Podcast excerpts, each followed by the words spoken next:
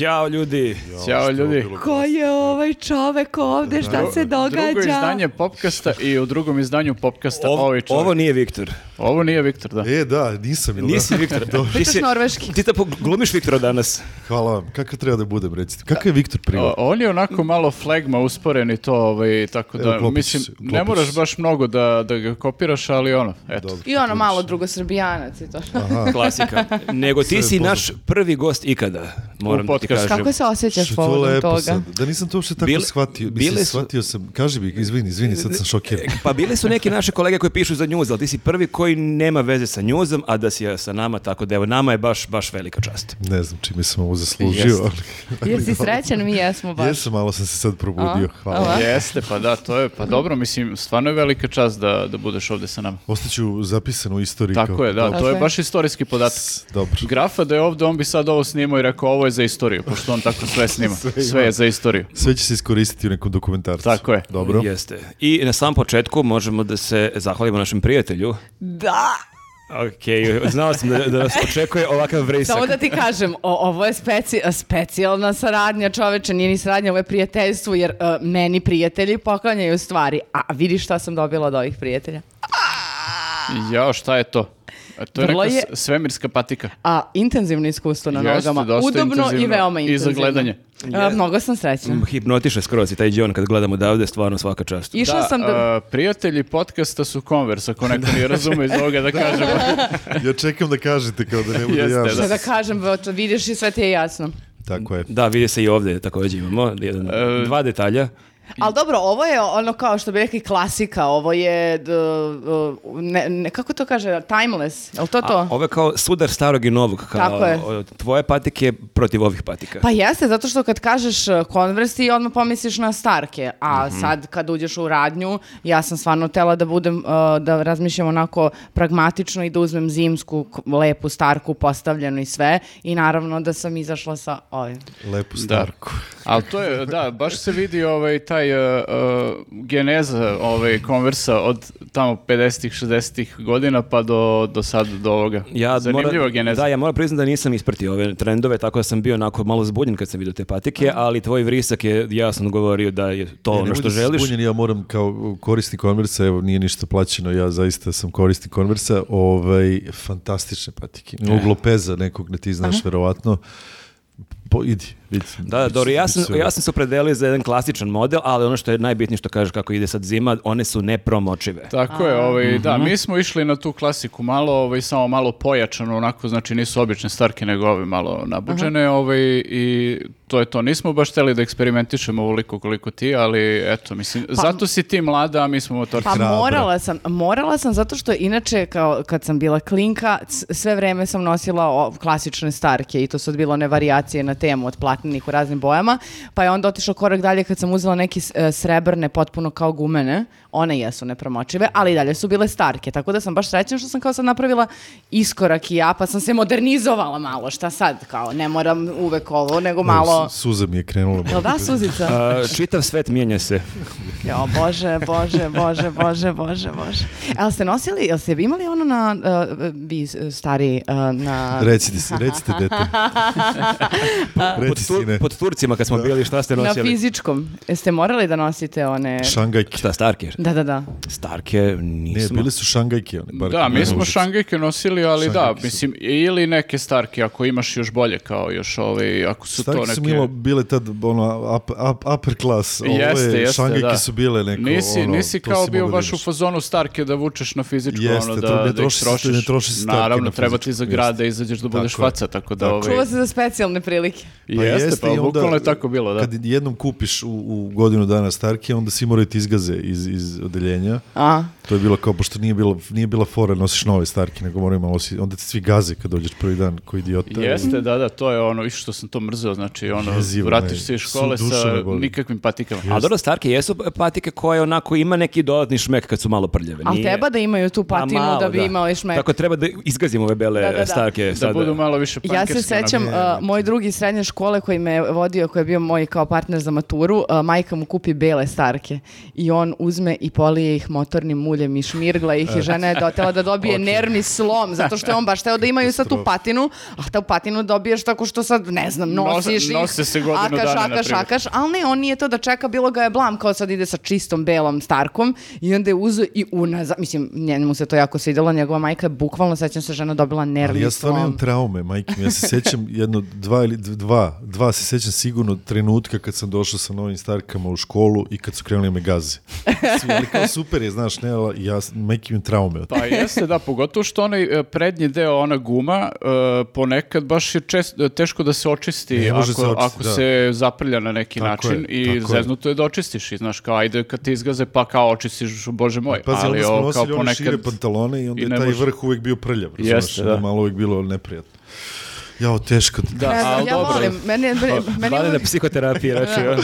Mene su uvek prozivili kao što ne očistiš te patike, ja sam u fazonu, mm, to se ne čisti. A, ne zato što sam aljkava, nego zato što sam baš volila da budu na toj gumi onako, one hrapice. Ali to je dobar izgovor da kažeš ne, to se ne čisti. Pa Za sve. ne. To, da, to to, nije, Operi farmerke, to se ne to se pere. ne nije fora oprati starke. Apsolutno. E, pa dobro. Sada kad smo se zahvalili prijatelju a, podcasta, možemo da krenemo na a, serije. Serije. Da, Wow. da krenemo od, Od ovih kao krećemo. a, laganijih. Dobro, okej. O, o, hoćemo ti ja, ili o, ne, gost, molim vas, E, gost. Moramo da gostima damo Sad prednost. čekam Ajde, ajde. monolog od pola sata o serijama. Ništa idite tamo. Šta, jedite. šta si gledao u posljednje vreme, a da ti je baš bilo onako ekstra? Uh, Vau. uh, Kao da nikad nije očekivao ovo pitanje. Rekao si da se spremio, Bane. ne, ne, ne, nisam, nego sad samo, uh, kad ste me to Pokušava pitali, da pošto- odluči šta je bolja varijanta. Ne, ja imam, ovaj, od kad je ovo korona i ovo sve, znači, Aha. uh, uh, uh, bukvalno sve sam gledao. Uje. Znači, ja mislim da ne, ne- ono, baš ne znam šta sam propustio. I uglavnom sam u, u, u koroni uh, uh, gledao ove nordijske, ja mislim sam bukvalno sve nordijske pogledao. I, ovaj, I onda sam imao sreću nešto prošle godine da snimam u Danskoj, onda sam došao na set i shvatio da znam svakog glumca. Znači, ono, Kao, okej, ovo je otišlo predaleko. ovog I ja sad kao idem po setu i Sa kao... spomenarom, ej, hoćeš da se kao potpišeš? Gledam, majke mi, baš sam upao sam u ovaj album s sličicama, oni me gledaju, ne mogu da veruju da li sam idiot. A jesi snimao neki krimić ili šta si snimao? Krimić, da, neki ovaj nordijski, evo sad je krenuo na, na Viaplayu pre dve nedelje, tako da mislim lepo ide sve. Ali, Kako znaš, se zove, kaže ljudima da mogu a, da... serija se zove Elvira, Elvira. da i evo sad je krenulo na, na, na Viaplayu. E, pa dobro, da, to je već jedna preporuka. Da, pa eto, pogledajte, zanim, mislim, to je uvijek zanimljivo kada ono Gledati, me, gledati mene. Jesi ti, jesi ti ubica? Ne, nema da spojlamo. Nemoj daj. Ljudi se žali u prvom popkastu da spojlujemo previše, spojlovali tako da ćemo, neke stvari, i- jako da ćemo, vodimo računa, jako da. ćemo paziti sada. Inače, ljudi su se toliko žalili na naše komentare prošlog podcasta za uh, Game of, uh, uh, House of Pa Dragon. dobro, šta da radimo? Znači, mislim da smo manju prašinu podigli sa pričom o, o ne znam, crkvi ili uh, Crnoj Gori. o- Pa, možda ljudi to gledaju kao neku religiju, tu se... Pa, očigledno da da, baš smo ih dosta uvredili, mislim, uh, tako da moramo da stvarno sad nekako, ne znam, ili neki demanti da ide Ma ne, ili... mislim, ne. mi Samo ćemo- nemojte spojlajte ljudi. Mi ćemo samo da, da, nećemo da spojimo, Koje vam je... Ali mi ćemo, uh, računajte na to da ćemo vjerojatno da nastavimo da u- uvre- uvređujemo vaše omiljene serije ponekad. Da, da, da. Desi se, mislim, ili film ili šta god. Tako Osim da- ako Bane glumi, to nećemo. Dobro, ne, ne, to može nećemo, se, da. pa čovječe, to tome služi. Mislim, Tako da to je- ponekad će da se desi, eto, odmah da kažem. A na Netflixu ili HBO, ili ima nešto što onako pratiš, pratiš kao što smo mi sad onako naloženi gledali House of Dragon? Ja nisam gledao House of Dragon, ja ne mogu da gledam, ja nisam gledao, recimo, sad ćete da me, da me ubijete, ovaj Game of Thrones. Nisam nije, tako da okej. E, dobro, sad- Ovaj deo stola nije gledao. se To isto malo kad izgovorim, o, evo vidiš, o, da čuju da mi, jao, idi, ali to nisu, ja neko, ne mogu gledam zmajeve, ali to nisu zmajevi, to je... Nije dobro. samo do zmajeva, Znam, naravno. ali ja nemo, kad mi proleti zmaj, ja nemo, već se izgubim, ja nemo. Malo je višak taj zmaj, da, da. Ovdje si me Znaš, izgubio. sad, sve su zmaje i sve ovo i ne mogu to. Kao što sam probao sam gledam uh, pre dva dana ovaj 1899 ovo nešto Mhm. sam spremao Ok, neki da, su- ovo, I ne, mo- ja stvarno ne mogu to da gledam. Ja, mene A jesi to- gledao Dark, izvini, ono kad smo kod tih- Nisam, Aha. nisam, zato što imam, imam neki otpor prema tome, nešto mi tu, nešto, ne, ne znam zašto mi to... Ne voliš te paralelne dimenzije i slično. Ne mogu, ne mogu, zato što to nekako mi uvek uh, sličan ili isti ključ. Ima i Black Mirror koji mogu, da- to, s- to da, da, mogu, da, dobro, Black Mirror. ali ovo, ovo stvarno ne, znači ne, ne, ne prima se uopšte. A koji onda gledaš onako religijski ko što mi gledamo ove? Pa ne znam šta je religijski, ali čekao sam Crown, recimo, pa Aha. sam ga pogledao u cugu, eto to sam čekao, mislim, to me ja Engleze obožavam, pa mi je to nekako uvek, ovaj, pored ovih Nordijaca, volim da, da vidim. I kako ti se čini Crown? Čitala sam za ovu uh, glumicu uh, stariju koja sada uh, igra Elizabetu u poznijem uh, Da. dobu, da kao su ljudi imali problem zbog toga što nisu mogli da je odvoje od lika iz Harry Pottera uh, kad je glumila ono Pa ima raznih naslednicu. ljudi, znaš, to uopšte ne, ne treba komentarisati, ali ovaj, a znaš šta, to su Englezi i to je, uh, uh, tu sad kad pogledaš ovako sa strane, to može ti se svidi ili ti se ne svidi, ali tu nema, zanatski govorim, znači tu nema loše napisane scene i nema loše napisane uloge. Aha. I osnova svakog scenarija i svake serije ili filma je da neko to sedne i napiše kako treba da bi to glumci ili mogli da, da urade i ole dobro. Tako da ovde nema, sad kad prođeš onako zanatski, tehnički, ne postoji ni jedna loše napisana scena i ne postoji ni jedna loše napisana uloga. Ti možeš da vidiš ovu ženu, kaže, ja sam ovo gledao u Harry Potteru, to je tvoj problem. Ja nemam, razumeš, znači, ostavi ženu da igra jer to radi kako treba. Ostavi ženu na miru. Jeste. Tako da, eto. Da. Znači tebi serija ne mali. Uh, Crown? Da. Pa ne znam, ja, mislim, meni to sve, ja nemam nikakve ovaj, eh, emotivni odnos prema kraljevskoj porodici, naprotiv, ali ovaj, to je sve jako zanimljivo, to, je neki, to su za mene zmajevi. Znaš, A meni jel to, ili glorifikuje? Ja nisam gledao uopšte, jel kao glorifikuju njih ili je kao koliko toliko Pa, realno? Pa znaš šta, oni su u toj seriji kroz sezone govorili o raznim groznim stvarima koje su se dešavale i vezama sa nacistima i tako dalje i tako dalje. I ovaj posljednjo ima ovaj, oko se, sa njihovim vezama sa Romanovima i kako im nisu pomogli i tako dalje i tako dalje. Tako da kad pogledaš sad to nekako u globalu kao je kritički je, ali opet to je neka glorifikacija, ipak su to Englezi radili, oni imaju taj neki odnos. Da, da, da. Imaju odnos, da. Tako da to postoji nešto što je ovaj i sad kraljica je tu stvarno napravljena kao, kao neka tipo sad već u šestoj sezoni shvatiš da, da peto je koje, Peš, šest, peta, ne znam, ovaj, ti shvatiš da to, ti počinješ da tu kraljicu da razumeš zato što kao to tako mora. Da, da. To je robot koji tako mora da radi. Nema emocija, nema ničega. Ništa Tu lično. se probiju se neke emocije, ali znaš ti sad vidiš ono e, kralj i kraljice idu da spavaju, ovo ide u jednu sobu, ovo je drugu i tako 78.000 godina i to je nešto potpuno normalno, oni se Da, to je pozdravljaju. prosto to, tako. Znaš, on ulazi kod žene u kancelariju i kao, znaš, mora mali niks da napravi. Mislim, nije toliko, ali kao to je na tom nivou je to neko ovaj, to poštovanje. Tako da, eto, počinješ da to nekako prihvataš kao normalno. Videla sam neku scenu gde pričaju telefonom Margaret Thatcher i kraljica i da je kao ona kaže volim te i ona kao ja Nije tebe. to Margaret Thatcher, to je sestra. Sestra? Da. I kad su rekli volim te, ona kao i ja tebe, Ja i onda tebe. nećemo više ovaj middle class bullshit kao. Jest, jest. To je, to je jedini govorimo trenutak kad je pokazala, pokazala i ole neku emociju prema sestri, kao sestra je rekla. E, ali ja sam pročitao sam neki Emocije koment- su za sirotinju. Pročitao sam neke komentare da je princ Charles da ovde prikazan kao neki frajer i da je tu kao zapravo neki kao, da su bile neke kritike, kako je prilike da Kao je, šta, nije realno. Pa da, da je kao mnogo i fizički bolje izgleda i da je mnogo gotivniji lik nego što realno jeste. Sad ja opet Pa to pre- je- prenosim šta sam pročitao. Znači, To je naš Targaryen iz uh, House of Dragon. Da. Onaj- Ok, sad Ajde, tako nisam da sad gledao, nisam gledao, nisam gledao Crown, nisam gledao House of Dragon, tako da da, to je on baš. Šta prije, šta radiš ti? ovo? On je najzajebaniji lik u House of Dragon, dobar je glumac i dobar je frajer, šta fali? Pa dobro, pa, jeste, ali to ti kažeš, Prince. Charles, znaš kako izgleda. Pa da, ali pa dobro što serija nije. Ne, ne, to Pa dobro, znaš ti kako ovaj princ izgleda u stvarnosti? Ali pitanje je to sa šta znači da kao po prikazanju u seriji kao dobar frajer, a gen- Da, da, u da, da, prilike nije. kao, to sam pročitao negde komentar, kao da na osnovu serije, otprilike Malten je Prince Charles bolji frajer nego što je Diana, ono, bila lepa, otprilike kad gledaš njih kao par, Pa, a u realnosti kao ne, nije bilo tako. To je sad pitanje ukusa. Ja uopšte Tebi se, ne- svi, tebi Da. se Prince Charles sviđa. Da, Kamila, Što bi rekao Bane, ostavite čoveka Da. na miru, Ka- neka glumi. Ka- stvarno. Kamila se ne bi složila, verovatno. Da, da, dobro, dobro, ništa menjamo. Ali imaš neka serija možda koju bi preporučio ljudima? Pa evo ja stvarno, ja ovaj, e, baš želim da preporučim, mislim ja ne, ne mogu jednu seriju da izdvojim od tih nordijskih jer je malo ovaj, ružno i glupo, e, jer su stvarno većina potpuno... Volim ih sve ko svoju decu. Ko sve moje deca. Ma ne, nego sad kad gledaš po svetu, ono, oni su od onog uh, uh, mosta, kad su krenule te n- ovaj, nordijske serije, pa pa evo do dan danas malo su i oni preterali s tim krimi serijama, ali ovi, oni to ljudi znaju da rade, valjda se drže onoga što rade. I sad sam, kad sam bio tamo shvatio stvari kako oni rade, jer oni su, uh, znaš, ovde, ti pogledaš sad po Srbiji, kogod ima išta napisano na toalet papiru, od toga može snimi serija, a ovaj, oni tamo rade tako što recimo na nekom konkursu izaberu nekih 10 serija, pa onda daju za tih 10 serija po 15.000 eura da se snimi jedna scena, pa oni snime jednu scenu, po tih 10 izaberu pet, pa za tih pet daju 25.000 eura da se snimi, ne znam, tri Pilot. scene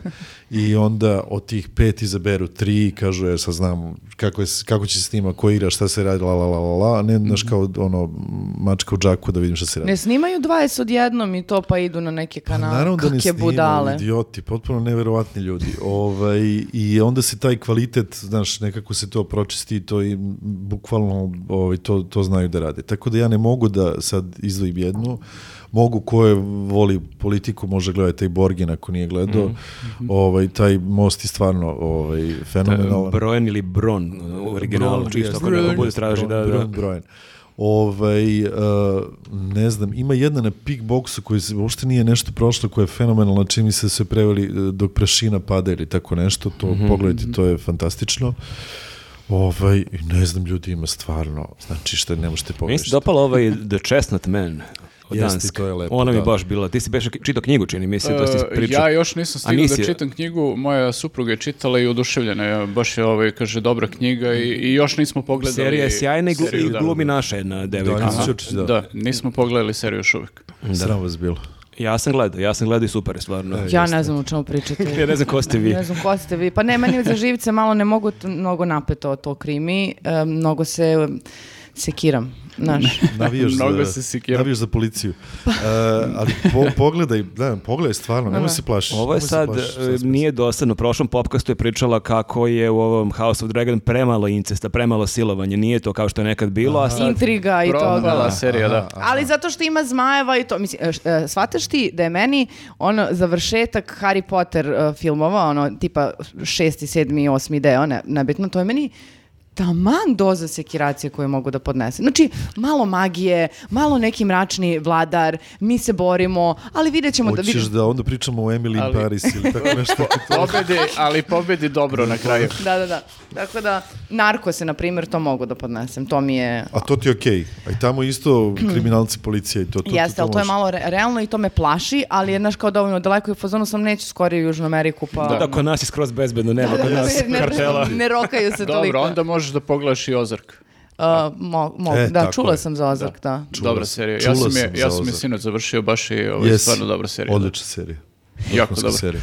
Ovaj, ali da, pošto ti ne voliš te baš mnogo teške, eh, gledali smo jednu seriju ti i ja koja je Mhm. onako malo lagana i drugačija potpuno tematika, ali je jako zabavna i zanimljiva. Eh, zove se Inventing Anna. Mm. Izašla je u februaru, ja mislim, na, na, na Netflixu. Uh, Ja više nisam Da. siguran ono, da li je Da, HBO da. ili moguće da je... I uh, to je zapravo jedna od uh, serija koje se d- d- u- na talasu uh, koja je izašla, a bavi se tematikom uh, nekog ono ludaka pojedinca koji je prevario čitav neki sistem društvo koje je obično neko bogato poš uh, Ameri- u ovom slučaju američko Čekaj, to je društvo. ist- istinita priča ili... Jeste, Aha. jeste. Devojka je trenutno u zatvoru, uh, mislim da treba uskoro i da izađe. Uh, u suštini ona se pretvarala da je um, e, nemačka um, bo- bogatašica Neka nemačkog porekla da. koja um, ima jako bogatog oca, međutim koji, uh, on je ne, da, uh, ne daje odmah nasledstvo, nego kada bude napunila, ne znam, 21 godinu, ona će da otključa ono čup sa zlatom. I na konto toga da pare samo što nisu stigle, uh, Čekaj, ona to je se... nigerijska prevara. Pa, Nigerijska prevara Nem- uživo, da. Nemačka prevara. Da, Dra- ali draga gospodine Ona se bukvalno, znači ona je, ona nije prevarila samo kao ljude tipa to, ortake s kojima je sad izlazila, blejala, pila i uh, po ono nekim najskupljim uh, američkim klubovima, restoranima i tako dalje, nego je ona čitav ba- bankarski sistem preveslala tako što je bukvalno uh, koristila neku najobičniju aplikaciju za modifikaciju glasa i pretvarala se da je otac njen. I razgovarala sa nekim čovjekom iz ono neke svetske banke koje je trebalo da je da uh, neki ogroman kredit uh, uh, kao invest, u stvari im- da investiraju u neki poš klub koji ona uh, žela da napravi u nekoj nadr, no, ono, nadrkanoj uh, na- zgradi, na primjer u Njujorku koja je pod ne znam kojom zaštitom pa sad to da izgleda Da, i malo košta ono- ko zna koliko da, miliona da, i da. slično. I ona je bukvalno žena bila kao na korak od, od toga. Pa to je bio posljednji korak zapravo, mislim sve pre toga ona je e, prosto ušla u to visoko društvo u Njujorku tako što je e, jednu po jednu ličnost ono osvajala na neki način, ono šarmira ih i ostalo i oni joj čine neke usluge, imaju kao neku saradnju i onda je svaki e, put te ljude koje je već kao nešto šarmirala ili be prevarila koristi kao e, kre- izvor za kredibilitet za narednu prevaru. I, ovaj, I to je prosto onako vidiš ceo taj sistem po kome ti prevaranti funkcionišu, u ostalom tako je bilo i u onom uh, Tinder, Tinder, Tinder Swindleru, Swindleru, i to je bukvalno isti, isti ono princip. I ovaj, samo što je ona ovaj, uh, se tu malo onako previše zaigrala i više ni taj, imaš taj moment kod tih prevarenih ljudi da prosto neće da, razotkriju da. uh, da su prevareni jer je blam da te neko prevari jel, na tako glupe načine i, i onda je ona plivala na tom talasu sve vreme da prosto ovaj, je nisu otkrili dok nije došla do tog momenta da treba da dobije neki ne znam sumanuti kredit. Nemoj sad da je, spojuješ, ne, ne, ne znam dok si stigao. Ovaj, Ko- ali ko- onda da. I na kraju, Na epizodi, na da. kraju ubije auto. Da, ra- razrešenje je potpuno suludo i mislim super je, super je urađeno sve to kako, ovaj, kako se njeni prijatelji, kako su se postavili nakon što je ona uhapšena i sve to, mislim, baš je ono... A čekaj, je li serija gotova ili ima da čeka nova Serija sezona? Ne, ne, serija je gotova i ona je, ovaj, mislim, to nije spoiler, to je običan podatak, ona je za prava na tu seriju dobila silne pare zapravo. Da, i tipa nešto za- 320.000 Da, sa- sad zaista dolara. ima neke pare, ali je sad ono kao u zatvoru i čeka, ne znam, presudu ili... i potrošila ih je na ove legal Bože, troškove. Jeste, da, potrošila je silne pare na te ono sudske troškove i sad valjda čeka da izađe iz zatvora, ali mislim da će je proterati valjda nakon toga. Mm. Ovaj, a inače u, u stvarnosti je Ruskinja i zove Sana Sorokin Eto sad, i uh, eto spoiler. ovaj, pa ne, to je I poznata stvar. iznajmila stan na Dorćolu. Da, ovaj. Ma dobro, da, ali uh, mislim, Živine znaš čemu se radi? Uh, o, odmah na početku ti vidiš da tu nešto ne štima i uh, novinarka koja uh, zapravo sve vreme uh, m, priča ide tako što novinarka nju intervjuiše i ti u startu znaš šta, uh, kako, da je ona uhapšena i da je u problemu. A, sad se znači, Da, a- ide se- ograđujete se da ovo nije bio spoiler, da Nije, se nije to bio zato što uh, je zapravo sve vreme uh, ideja da ti objasne kako je moglo da dođe Ne, do ne, toga. mislim, e, da, serija je takva da ti sad, nemaš ti tu momente u radnji da ti neko ispojluje da pa kao sada je, sad mi nije zanimljivo da gledam, jer objašnjava se mehanizam prevare, to je ono Da. nešto što kao moraš da vidiš da bi, E, ali da ja bi sam, izvinite da prekidam, ali ja sam gledao sad puno tih e, e, dokumentaraca i o, o ovim sektama raznoraznim. Mhm, Da. To je ludilo. Znači to kako, kako stvari prevare toliki broj ljudi. i Šta, Jeste, šta da, ja isto te rade, stvari volim, je- bila- Ima taj wow, pogledajte Zavet, ja mislim na HBO, da sad i druga sezona izašla. Ovaj, to je neverovatno što se radi, kako su ljudi u stvari, ovaj, kako ljude lako... Ispiraju mozak. Da, kako je lako uvoditi ljude. Da, mislim, ima svašta, tako da eto i to je još jedna, osim nordijskih igranih serija, možete pogledati kako... Pa ljudi- dobro, da, imali su i oni skoro neki dokumentarac, mislim da je, nisam siguran da li je norveški ili švedski, o njihovom nekom kultu u nekom selu koji se ovaj, isto nešto krenulo kao iz religije i pretvorilo se bukvalno u neku sektu, ono, tako da... Pa sve tako krene. Mislim, polu dokumentarno ovaj, imate neke ono kao rekonstrukcije snimljene kao igrane i to, ali, ovaj, ali sad živ ne mogu se setim kako se zove serija, pa ću da ovaj, kažem E, sledeći A put. meni je jako zanimljivo kad kažeš te nordijske serije, koliko zapravo, to sam baš slušao i kao vrlo logično, koliko je nevjerojatno kako su oni do savršenstva doveli taj žanr i knjige i serije i filmove, a koliko tamo ekstremno malo zločina ima. Tamo ima ubistva, Pa nema- tipa na Islandu ima jedno ubistvo, ne znam, godišnje. Tako, je, pa zašto bi se ubijao? Pa da, ali kidaju kad treba sto izmašta, znači Pa najbolji su. tre- mi- mislim, ja sad sam tamo nešto proveo neki ovaj, dobar period, ovaj, to je stvarno, ja ne, ja ne znam odakle ima ideje, uopšte inspiracije za takve budalaštine, znaš, to kao krimi, ono, krimi mislim ima Pa verovatno. dosta, možeš da mi je život dosadan, treba im neka avantura. Ono. Znaš šta, ne znam da li je dosadan, oni su, ovaj, Kopenhagen je recimo 90 i nešto posto stanovnika Kopenhagena je izjavilo da su srećni. Znaš, tako da, eto. Okej. To je Ne dosta dobar rekao da im je podatak. dosadno, kao. Da, eto, čisto da znam. A su srećni jer Ne. čitaju o ubistvima non stop. Da. Moguće da, Da. to se tamo negde Da, dešava. da, Da, ovih vidiš. 10% je bilo u fazonu, pa okej mi je, šta znam. Da, da, ovi kao, pa ne znam što ti kažem, zove mi sutra. Prilično mi je korektan život, ali nisam baš presrećen. ono. E, a, nego, a, samo da se vratimo na, na ove naše serije, možemo? Naravno ne. A, e, ne, zašto sam tela da kažem? E, Zato što mi je bi- bilo zanimljivo da pomenemo još neke, ako je ljudima zanimljivo da gledaju te takve vrste prevara. a, super e, su dva dokumentarca o Fire festivalu, a, koji, festival koji zapravo nikada nije stvarno desio. Lik je sa onim, neki Billy McFarland, on je bio neki ono, organizator žurki, promoter, ovo ono, je odlučio da na ostrvu nekom, koja... ne- Nemoj mene gledaš, ja sam gledao to, znači gledaj kameru. ne moram da gledam u kameru. A, na ostrvu nekom koje nema nikakvu Klimaš infra- glavom. a, koje nema nikakvu infrastrukturu, ništa, ništa, ništa, napravi ono najskuplji, najfancy festival za bogate klince iz Amerike i drugih okolnih zemalja.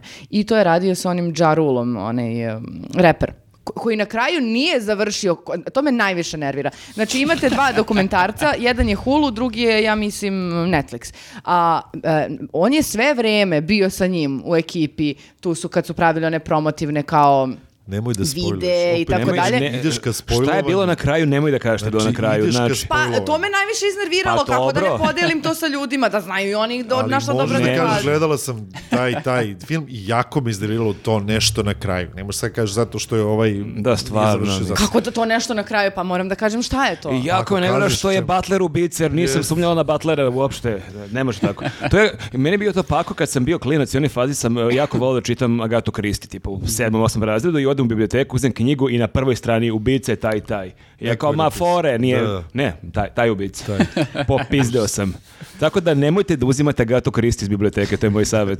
Ili da slušate moje preporuke za serije ili filmove, jer ću da vam... Pa ne umem drugačije, izvinite, Pa šta da moraš radim. da istreniraš, pa nekako možeš tako. Mora da postoji neki način. Znači, nađi neki način. Čovečanstvo je došlo do tog načina, Ovo je bitna informacija za diskusiju, zato što me nervira jer je taj čovek i dalje na slobodi i sad vara ne, za neke ne, druge pre- ne stvari. predaje se od Znaš, koji su, znaš koliko ljudi na slobodi? Znam, da ali budu? evo konkretno pričam o ovoj temi i on je d- od- slobodan, a ovaj lik je u kanalu. Da, pa to je tako u U životu, principu da. znači ne morate gledati ovaj film, ali da ste ga gledali, ali- iznervirali biste se sigurno. Da, ali kad smo kod tih o prevarama, i ja ću da preporučim samo jedan, zove se Bad Vegan. I, Jo, da, gledala sam. e, to je isto fenomenalan dokumentarac o ženi koja je napravila kao neki veganski uh, raw Ja, ono, restoran. to, da, i, da. e, Ona je bila jedna od začetnica Ona tog je bila celog kao pokreta. pionirka svega toga u Americi i jako je dobro išlo dok nije upoznala tog nekog lika sa kojim se kao spetljala i kad od, od tad kreće sve nizbrdo i uh, kraj je isto potpuno neočekivan ono, ovaj, ali bukvalno je dokumentarac koji ti gledaš ono kao najbolji thriller, ono ne dišeš ono i Uh, sto puta će ti biti u fazonu tokom gledanja, ma daj, da li je realno da, je kao, da mu je ovo prošlo, ono, tako da ovaj, to je isto ovaj, preporuka za Meni je za te isto na tom tragu ona, ona serija The Inventor, uh, ona je Elizabeth Holmes. Da, ili da, tako da, nešto. dobro, to je isto Riba super koja priča. je, mislim, plemenita ideja, htela je da uh, napravi bukvalno uh, uh, nov način uh, analize krvi, tako što bukvalno iz jedne kapi možeš da saznaš uh, sve. I uzimala je od investitora, lapala je žena Imaš i para. dokumentarac isto koji Jeste, je da. isto fenomenalan, ali ovaj, pitanje je ono što je ona htela. Ona je htela nešto, ali to nije moglo da se napravi. Pa imala je zamisao, ali nije bila Jobs u tom smislu da i realizuje tu zamisao do kraja, to Zato je što je bilo nemoguće na kraju iznajmila mašine od Da, Siemensa da, i, ovaj, je. radila... Ovaj, Ono što inače mašine rade, ali, kao, Da, pa da, je. ali je bila ideja da to može se uradi za minut dva i ona Pa da, ali mogu to, može mi ja padne pamet deset da letim, ali da, S- da li je super realno. ideja, ja isto imam razne ideje. Ne, ne, super da- ideja, da, kao iz jedne kapi krvi kao 200 i nešto analiza imaš odjednom, kao što je Aha. super zvuči, Da, da, da, da. ali ispostavilo se da ne može baš da se uradi i ona je sad pre neki dan bukvalno osuđena na 11 godina zatvora. Ovaj, Stvarno, Da. nisam to znala. Tako Ali eto, da- sad je Nenad spojlovo, ništa mu ne A nije spojilo, bukvalno pročita vest. da, ovo je je informacija samo. To je informacija koja nema u filmu. Ja, e, ima u seriji da je uhapšena. Ali Pa, Dobro, mislim- e, jel možemo Okej. da neko mutemo, je li savjet ovde? ti počneš, znači Nemoj kažeš, da se ponašaš gledala sam tako." sjajnu seriju i onda te mutujemo. Samo ti kažem, nemoj tako da se ponašaš, imamo gosta, nemoj da me Nemoj da si brukaš. Pa bez go, gost je prvi opomenuo da ne možeš spoiluješ. Zamisli sad njegove serije tako sve zasereš, pa ne možeš tako, moraš da... Da. Da. Sad ćemo, da. vidjet ćemo kako ćeš Kao- da pričaš o predstavi u kojoj... Filmovi u kojima glumi Bane su slede, ko- kojima gine Bane na kraju su sledeći. ono, ne možemo tako. E, kad smo o serijama i, i o skandinavskim serijama, ali nije nikakav krimići thriller, The Playlist sam gledao, ne znam da li da, si da, spremio, ti Gledao si sam, gledao. Da, da, i ja sam Vrhunski, gledao. da. Miniserije, to sam pričao prošli put, ja obožavam miniserije, to mi lepo, šest epizoda i znam gde sam, šta sam, ne mogu se pogubim, onu pet sezona i to je o, osnivaču Spotify, evo, Jest, Danielu da. Eku. I ono što meni super u toj seriji je što uh, prva epizoda govori o njemu kako je došao na tu ideju i sad ja sam očekivao svaka epizoda ide iz njegovog ugla, ali zapravo svaka epizoda je predstavljena iz ugla drugog junaka. To je jako dobro urađeno. Da. Da. ali moram da ti kažem nešto. Mislim, odlična serija, ali sad moramo o kraju da pričam. Pa dobro, niko, niko nije ubijen. Talk about that. Da li je ono kill nije okej? Pa ne, nego da ona ta kao budućnost, da je on nešto, ako se sad, da ne spojim, da ne budem sad beba. Baš vas gledam šta radite. Ajmo da pričamo o Dobro, kraju. Ne, ne, ajde, dobro. Pričajte pa i ovaj služi da, za do to. kraja. Ja sam isto bio u dilemi sve vreme da li će isto to njega da romantizuju, da on kao menja svet, da li će onda ispadne govnar, da li je jedno i drugo i mislim da nekako i jedno i drugo je. Što govnar? Ali taj, vidi sad, pa Pa pogledaj seriju. Pogledaj seriju, bebo. Moraš da vidiš, Ali ja da. govorim o samom kraju, znači ona pevačica i kad se... Znači, liko je tebe upozoravao da ne spoliš priču o posljednjoj sceni Ali posljednje šta sam rekao?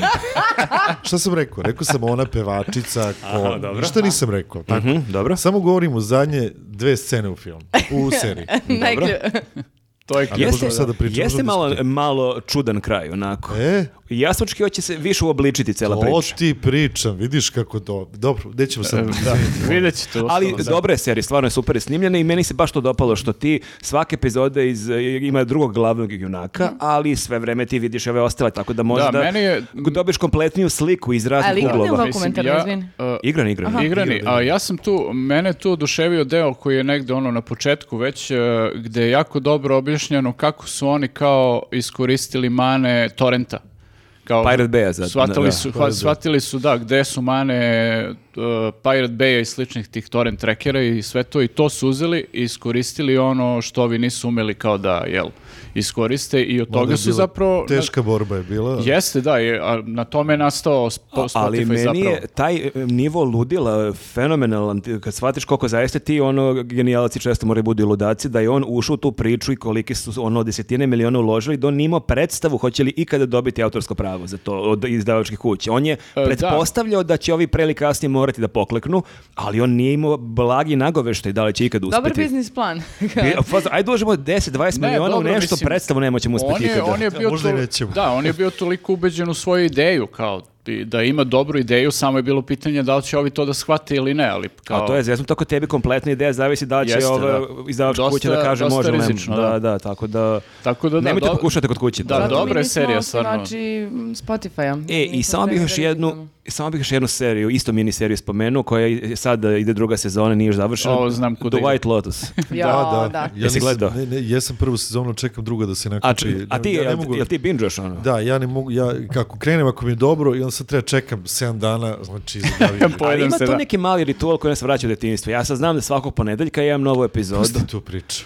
Znaš ono nedelja, Molim, Da. znam. pereš kosu, srećni Pa ljudi. znam, to je nedelja 8. Ja tako već 11 godina sa Walking Sutra, Dead. sutra škola, sutra kontrolni, a ti ono depresivan gledaš. I ono sneg na polju, znam Jeste, sve, jeste. ali kako ti kažem, sad kad krenem nešto i kao završi se nešto i kao tipa Ozark, sad zamisli Ozark, sad završiš jednu i kao sačekat ću sledeću E, nedelju. Da, da, da se pojedeš. E, samo da kažem, u ovaj, e, devojka koja glumi Rut u Ozarku, nisam siguran kako se zove glumica, e, ona glumi Anus Rokin u ovoj seriji, znači ne, ne bi verovao kolika transformacija, potpuno, ono, ja, ja sam nju provalio po glasu, nisam je skonto onako po, po izgledu, po bilo čemu, stvarno Jao, mnogo dobra glumica. mozak rano, se E, zove žena. plavuša ona sa Ma znam, kovrčnom jao, kosom, ali ne znam kako se zove Julia glumica. Garner. Gardner.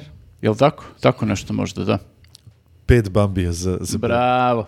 Da, samo da se vratim ukratko E, mnogo je na, na. White Lotus, samo se vratim, e, znači ko nije gledao, nek pogleda prvu sezonu za početak, ono ako nije gledao. Ne, da krenu od druge. Kao. Ne, ali mo- Ne, može, a- odvojene. može, može, samo, jed, samo da. jedan lik isti, e, jedan lik je samo isti u obe sezone, tako da može Ko je potpuno- isti u drugoj? Ona bogatašica depresivna. Gospođa ona, da. gospođa. Aha, Plavuša. A, ona da. je ostala, Ona je dobro. i nije se mnogo promenila. Sti-. Stiflerova keva. I E, da. Stiflerova mama isti su problemi, sve je isto i zanimljivo je kako je ceo koncept potpuno isti, samo što se sad ovo dešava na Siciliji i to mi je u prvi mak malo zasmetalo jer vidiš da je potpuno isti šablon, počinje neki, počinje tako što su oni na divnoj plaži i neko je mrtav, saznaš da je neko ubijen i onda idemo 7 dana ranije kad oni Ali dolaze. te uvuku lako opet. ono. Ali toliko je to sve opet perfektno napisano i toliko su perfektni likovi i toliko je divna priča cela i toliko ti ima taj, mislim, vidio sam neke komentare kao ljudima kao nije im najbolji tu humor, ja uopšte to nek, ne doživljavam kao komediju, to je jedna sjajna drama sa simpatičnim nekim Pa ima nekog crnog upadicama, humora, ima, da, ima humora, ali ali da. humora. ima ima, humor, ali nije da. komedija, nije kao Da, sitcom, ne, ne, nije, nije, ne, ali ne gledaš da bi se sad smejao, Da, da. barem Da, da, ja ne- tako ne gledam. očekujem ni ja to. Ali fenomenalan, stvarno i o- o- zaista za sad uopšte ne bih mogao da kažem da li je bolje ili slabije druga sezona, bukvalno je taj neki Vidjet ćemo, kvalitet. da. Tu se zaustavi sad. Tu se zaustavljam, ćemo. ali i ne znam šta je na kraju druge sezone. Ali u da prvoj, ne znaš ko je ubica? Ako se sećaš. Jel neko hoćeš priču o nekoj seriji ili da Ne, prelazimo ja na sam htjela da se na- da nadovežem na ovu a, a, način gledanja. Ja, na primjer, isto mogu da a, gledam iz nedelje u nedelju i nekako mi je simpatično da bude tako uzbudljivo. I onda čim se završi Okej. epizoda, gledam trailer, pa onda Baš, zaustavljam ne, svaki ne, ne, frame po super. frame da vidim Vi šta će da se gledajte. desi. Može. Evo, vi Kako tako možeš, sedite ali rizikuješ da, dobije, da vidiš Ja- neki spoiler, Ja na poštujem svaki, svakog čovjeka koji ima, i to je tvoje mišljenje, vi tako volite. Pustite čoveka da, Pustite čovjeka da radi da glumi. ono što Mi- mir i ljubav. želi, to je to. Ti radi tako, ja ja tako ne mogu. Tačka. Što bi rekao Šapić, to je tako u tvom ovom vicu, u mom je... Jeste. E, a koja ti je, jel bi izdvojio, možda nezahvalno pitanje, ali od serije kojima si ti glumio, da bi jednu izdvojio da kažeš, e, ovo je meni ludilo ili nećeš da se Nisam izjašnjaš? ja puno igrao po serijama. Nisi? Ja, pa nisam, ja sam igrao gde sam igrao. Super. Čekaj, E, glumio ne, si ovde o Milana. Markovića, ovo beše, tu si policajac neki, čini mi se, bio E, inspektor. Debre. Jesi to ti bio? Ne, to Čekaj. je taj to je tajkun, to nije Milan Marković, to je to vidi, Aha. vidiš to je to se to je problem srpske A, serije. pomešao si se sa Goranom, pomeš- sa Goranom Bogdanom sa se pomešao. Bogdanom. ovaj, sa Zoranom Draganom. Ovaj, ali e, nisam igrao sam tajkuna, igrao sam šta sam igrao, nečisto krv. Ne, ja znaš, nisam nešto tu, ovaj, teško mi je to, da Mhm. baš s- svud ne mogu.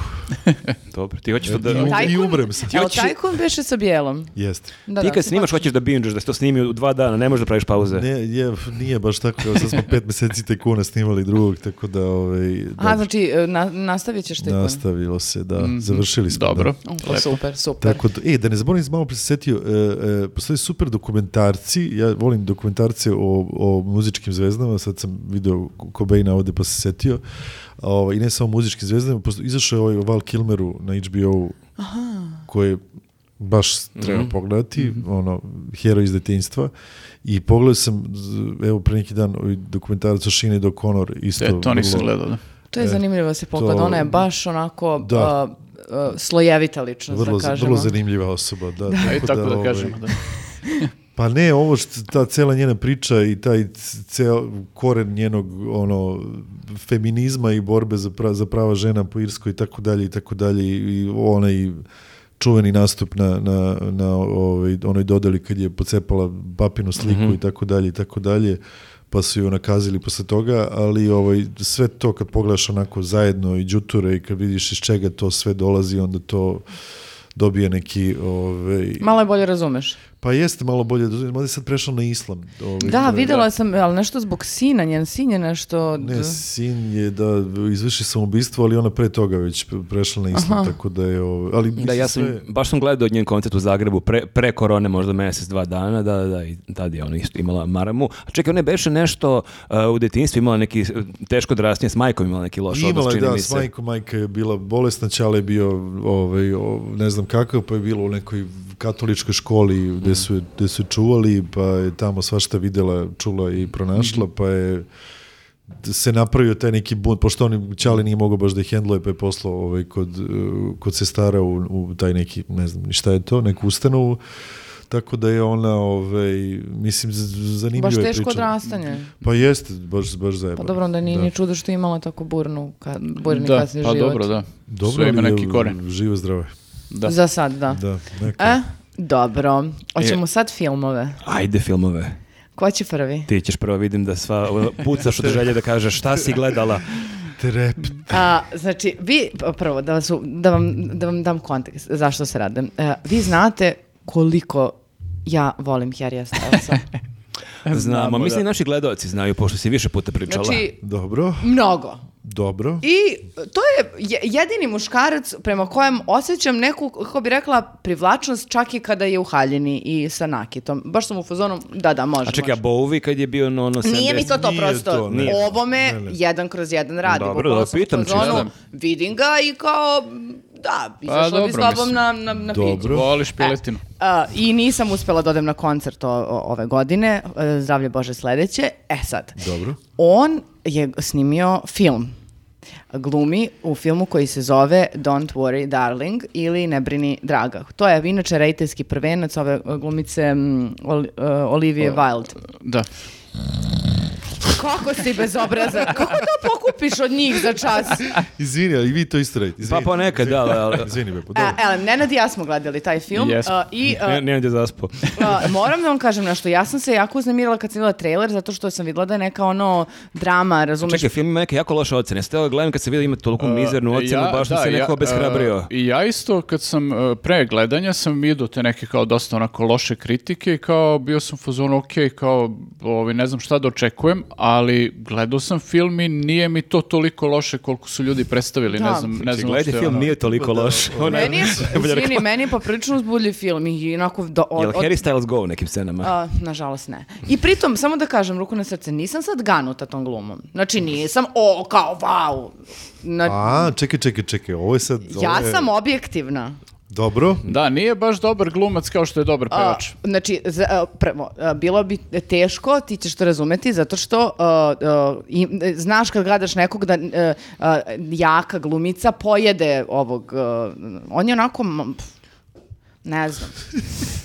Pojeden, mislim- pojeden je u filmu. Pa mislim, on se trudi, on se Po- trudi. I imate E, neke scene kad se malo evo razvere. jedne- Zašto si, mi- evo zašto si jedne- imala taj uvod od, Harry Stylesu od četiri minute, a sad očekivao... Da kao- o, film je sranje. Da, da. Evo jedne I on je ona ga pojela i... Ne, ne, ne, on Evo nije jedna grozan. nekorektne fore, pojeo je on nju na početku. Ja, to je tačno. Vidjet ćete tu scenu. To Ne je tačno, jako je lepo to gledati. A, a, nego, čekaj da se vratim. Evo, da Izgubili- izgubili smo sve.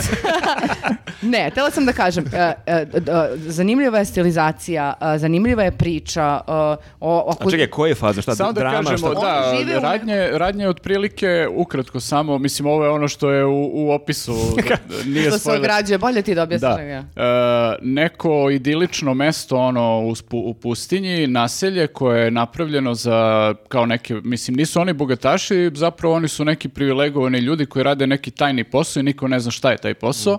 I njihove žene su tu kao ono, žene 50-ih, 60-ih u Americi, jedino što rade je da budu kod kuće. Da budu domaćice. Da, da budu domaćice, da uživaju kod kuće i da brinu muževima kad dođu s tog njihovog tajanstvenog posla i kao, eto, to je ono. I da ne pitaju čime se oni bave. I To da je. ne idu neki putem, nego samo Da, tu imaju ti je kao rečeno. određeno to. ono kao gde mogu da Baš se kreću i to. neki, da, dobro. Da, i uh, mislim imaš taj neki moment gde ti je kao, ok, jasno ti je da je to neki science fiction u suštini, ali imaš opet tu, taj retro ambijent i onda je taj kontrast Mm. zanimljiv. Malo me to postoje, izvini, na oni sjajan film Revolutionary Road sa Leonardo Da, DiCaprio. da, da. E, recimo, to je, da. Tako mi zvuči isto, Da, da, da, da. 50. žene tako kod neki, kuće. Tako neki vibe da, da, ima. da. Znači, baš napravljeno da izludi ženu. Mhm. A, jer je sve u repeticiji, znači, uh, to mi isto bilo zanimljivo. Znaš, ono, imaš svaki put iste, k- iste kadrove ujutru, probudimo se, kafa, doručak. marmota.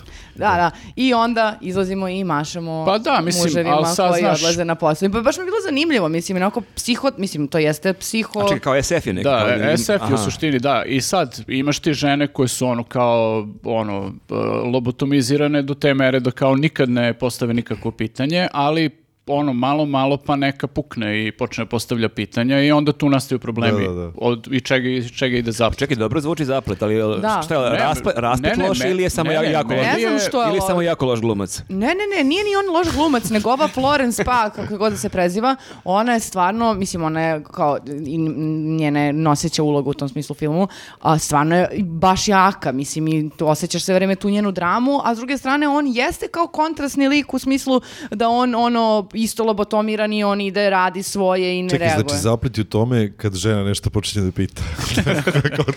A gde tu ideš? Fuck. Ja moram- Abort the Pada, mission. evo, Pala istina. mi Da, da, knjiga. Istina. A, moram, meni je stvarno e, zanimljiv film i, po, e, i, e, i raspet je užasno iznenađujući, neću da spojlujem, ali stvarno neočekivano. Ja kad- Jeste, jeste, da. Znaš, bila sam u fazonu, pa dobro, možda ću da dremem, ma kako i da dremnem, čoveče, baš sam do, do samog kraja ovako gledala, nisam mogla da verujem što se dešava. Tako da je zanimljivo. Hoće li se skinuti? Ho- Neće. a, Harry Styles je e, so, e, Bo- Bogdanović solidan, jel može? Aha, dobro, da. Znači, u drugom delu ne brini dragi, će se skinuti vjerovatno. Da. Ali super mi kako si ovo uvela cijelu priču, kako si rekla, ti Bana ćeš sigurno, znaš to kad te pojede neka glumica. Ne, ne, više on kao glumac da, da zna da, da, da vidi kad radi... Ali to je samo pitanje da li vidi. To, su, to je problem s glumcima što kad staneš s nekim boljim u, u kadar, kad imaš sreću da staneš s nekim boljim u kadar, ovaj, onda pitanje je da, da li vidiš koliko Ali taj... ne, nisam mislila ti Znači, da to nije- stojiš u kadru ne, da te pojede, nego generalno, da, da vidiš generalno. kao, sad jer gledaš film, na primjer, ili predstavu, lupam, neku, A zato ti kažem, generalno, samo pričam o tome š- kako glumci sebe gledaju u odnosu Znači, na... to nije kao u futbolu, kao protiv Brazila, staneš pored Neymara i jasno ti je da ti nisi Neymar. Pa, ali ne možeš da naučiš, kako ti kažem, ako igraš stalno sa ovaj, FK Mhm. Nambijom ili Čičevcem, nije bitno, ali ovaj, znaš, kad igraš sa, sa, sa majstorima, onda nekako te i oni U stave u, u drugi, Mhm. u drugi vibe, tako da samo pitanje koliko glumci to vide ili misle za sebe da su, da su genijalni i tako dalje. Nema, ima jako malo genijalnih glumaca. Pa mogu, mislim, možda je to i bila namera kao e, rediteljke da on zaista bude ta kao, da smijem da psujem, ne smem baš, da bude ono kukavica pogurena, muška, a ona da bude naš aždaja. Pa to je sad problem, znači ti čekaš Harry Stylesa kao baju, nekoga on tu neki Marko, šmokljan. Po- da. Marko kad se razdrao u o, autu, skoro kao na početku filma kad je pojeo o, Florence, zaista onako uzbudljivo. Da, pa eto, ima bar dve scene Ne znam o čemu pričate. treba Da, da stvarno. gledate. Da. Pogledajte film, ja mislim da e, ocene Ne, koje e, je dobio da. nisu realne, uopšte Mislim, to nije... mislim da dosta ljudi ima nešto protiv ove Olivije i da Mhm. su nju dosta dočekali na nož jer je to njen kao rediteljski prvenac i kao pa su ljudi tu, ja ne znam čak ni te zanatske stvari sad ne mogu da procenim ono da li ona tu nešto zeznula ili nije, ne razumem se toliko, ali kao mislim da ljudi onako malo su kivni na nju zbog nekih stvari pa je i zbog Da. toga bilo tih dosta loših ocena jer ja ne vidim da je film sam toliko loš ko- koliko je dobio te ocene. I da bili su skandalčići tamo na festivalu kad se pojavili, ja mislim, u Kanu, pa je bilo da je Harry Styles Jeste, pljunuo ovog da. jednog glumca, pa da su a, ho- uh, Harry Styles i Olivia Wilde rediteljka su zajedno bili. Bili su u tom Pa periodu, sad da. kao da su raskinuli. A Znači, koga pa da li on će... pljunuo? Da, to sam se Intrige, intrige. uh, bilo glumca iz filma... uh, A morao je da ga, ga skoči da ga pljune. ne, bukvalno je lik sedeo i ovaj kako je ustao da... Pošto A smo saznali šta se de, zašto ga je pljunuo? Ne, A, n- e, on nikad nije priznao da ga je pljunuo.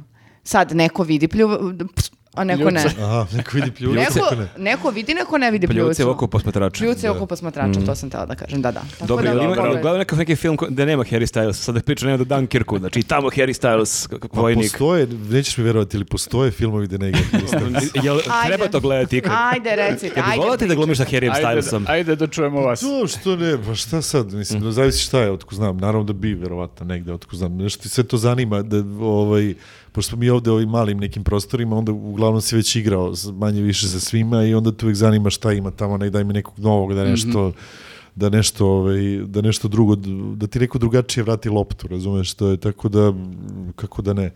Ali kad smo već kod Harija Stylesa, e, e, postoji jedan fantastični rumunski film,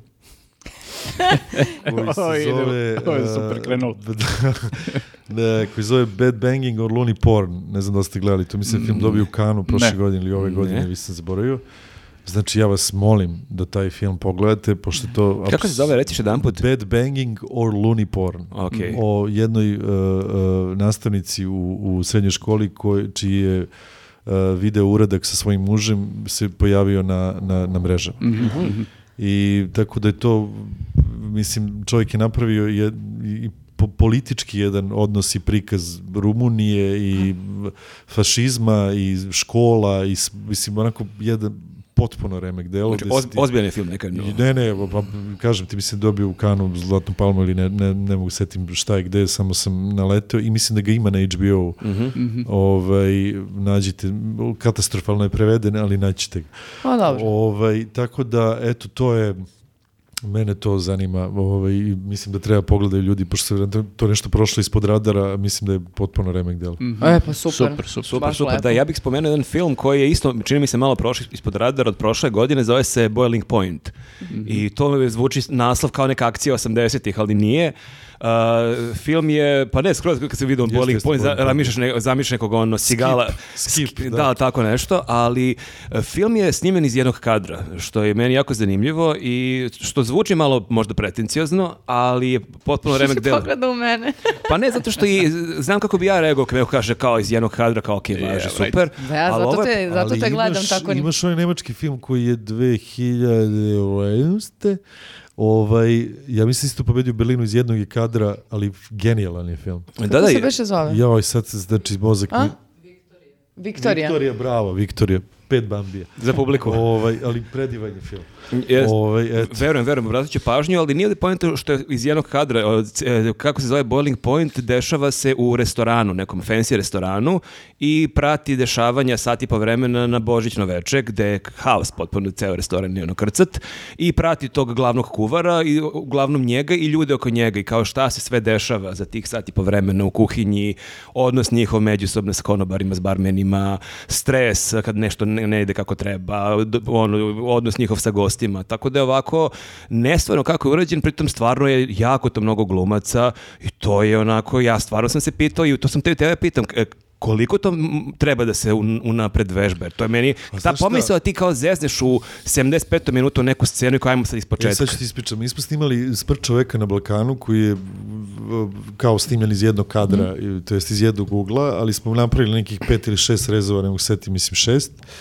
I onda sad, znači, radili smo komadu po 10-15 minuta, snimali. Naravno, imali smo pozorišne probe, vrlo ozbiljne u tom stanu i to smo jako dugo radili. ali recimo, imamo i poslednji deo filma gde sad mi snimamo ceo taj posljednji deo filma i samo treba se namestimo ne znam da li se sećate filma, nije bitno, ali sad nas tu 6-7 treba da uzmemo neke sveće i da kao o- o- oplačemo ovog čoveka koji je tu leži ubijen već dva sata i, lala, i sad treba samo da izdržimo 15 sekundi ili 10 dok se to, razumeš, da se ugasi polako. Međutim, ja mislim da smo to vraćali 15 puta jer je svaki put neko krenuo da smeje i to je bilo neizdrživo. I onda sad ja znam koji je nivo koncentracije kao za Viktoriju ovaj, potreban da se, jer su oni recimo to, posle sam čitao o tom filmu, o toj Viktoriji, to su oni sad vežbali ne znam koliko dana, jer to je bukvalno jedan kadar sve, ali ima desetak lokacija po gradu. I ta uigranost i kamermane, Pa ekipe, samo- tvoje to koreografija. pitanje neka- samo uigranosti, to je pitanje nenormalne koncentracije. Mm, I tajminga, da To ti... nije ni čak ni predstava, mislim, u tom, to, to je nešto, jer ovo je bukvalno, znači oni su, ne znam, u klubu, pa izađu napolje, pa jedu, pa u kola, pa banka, pa hotel, pa,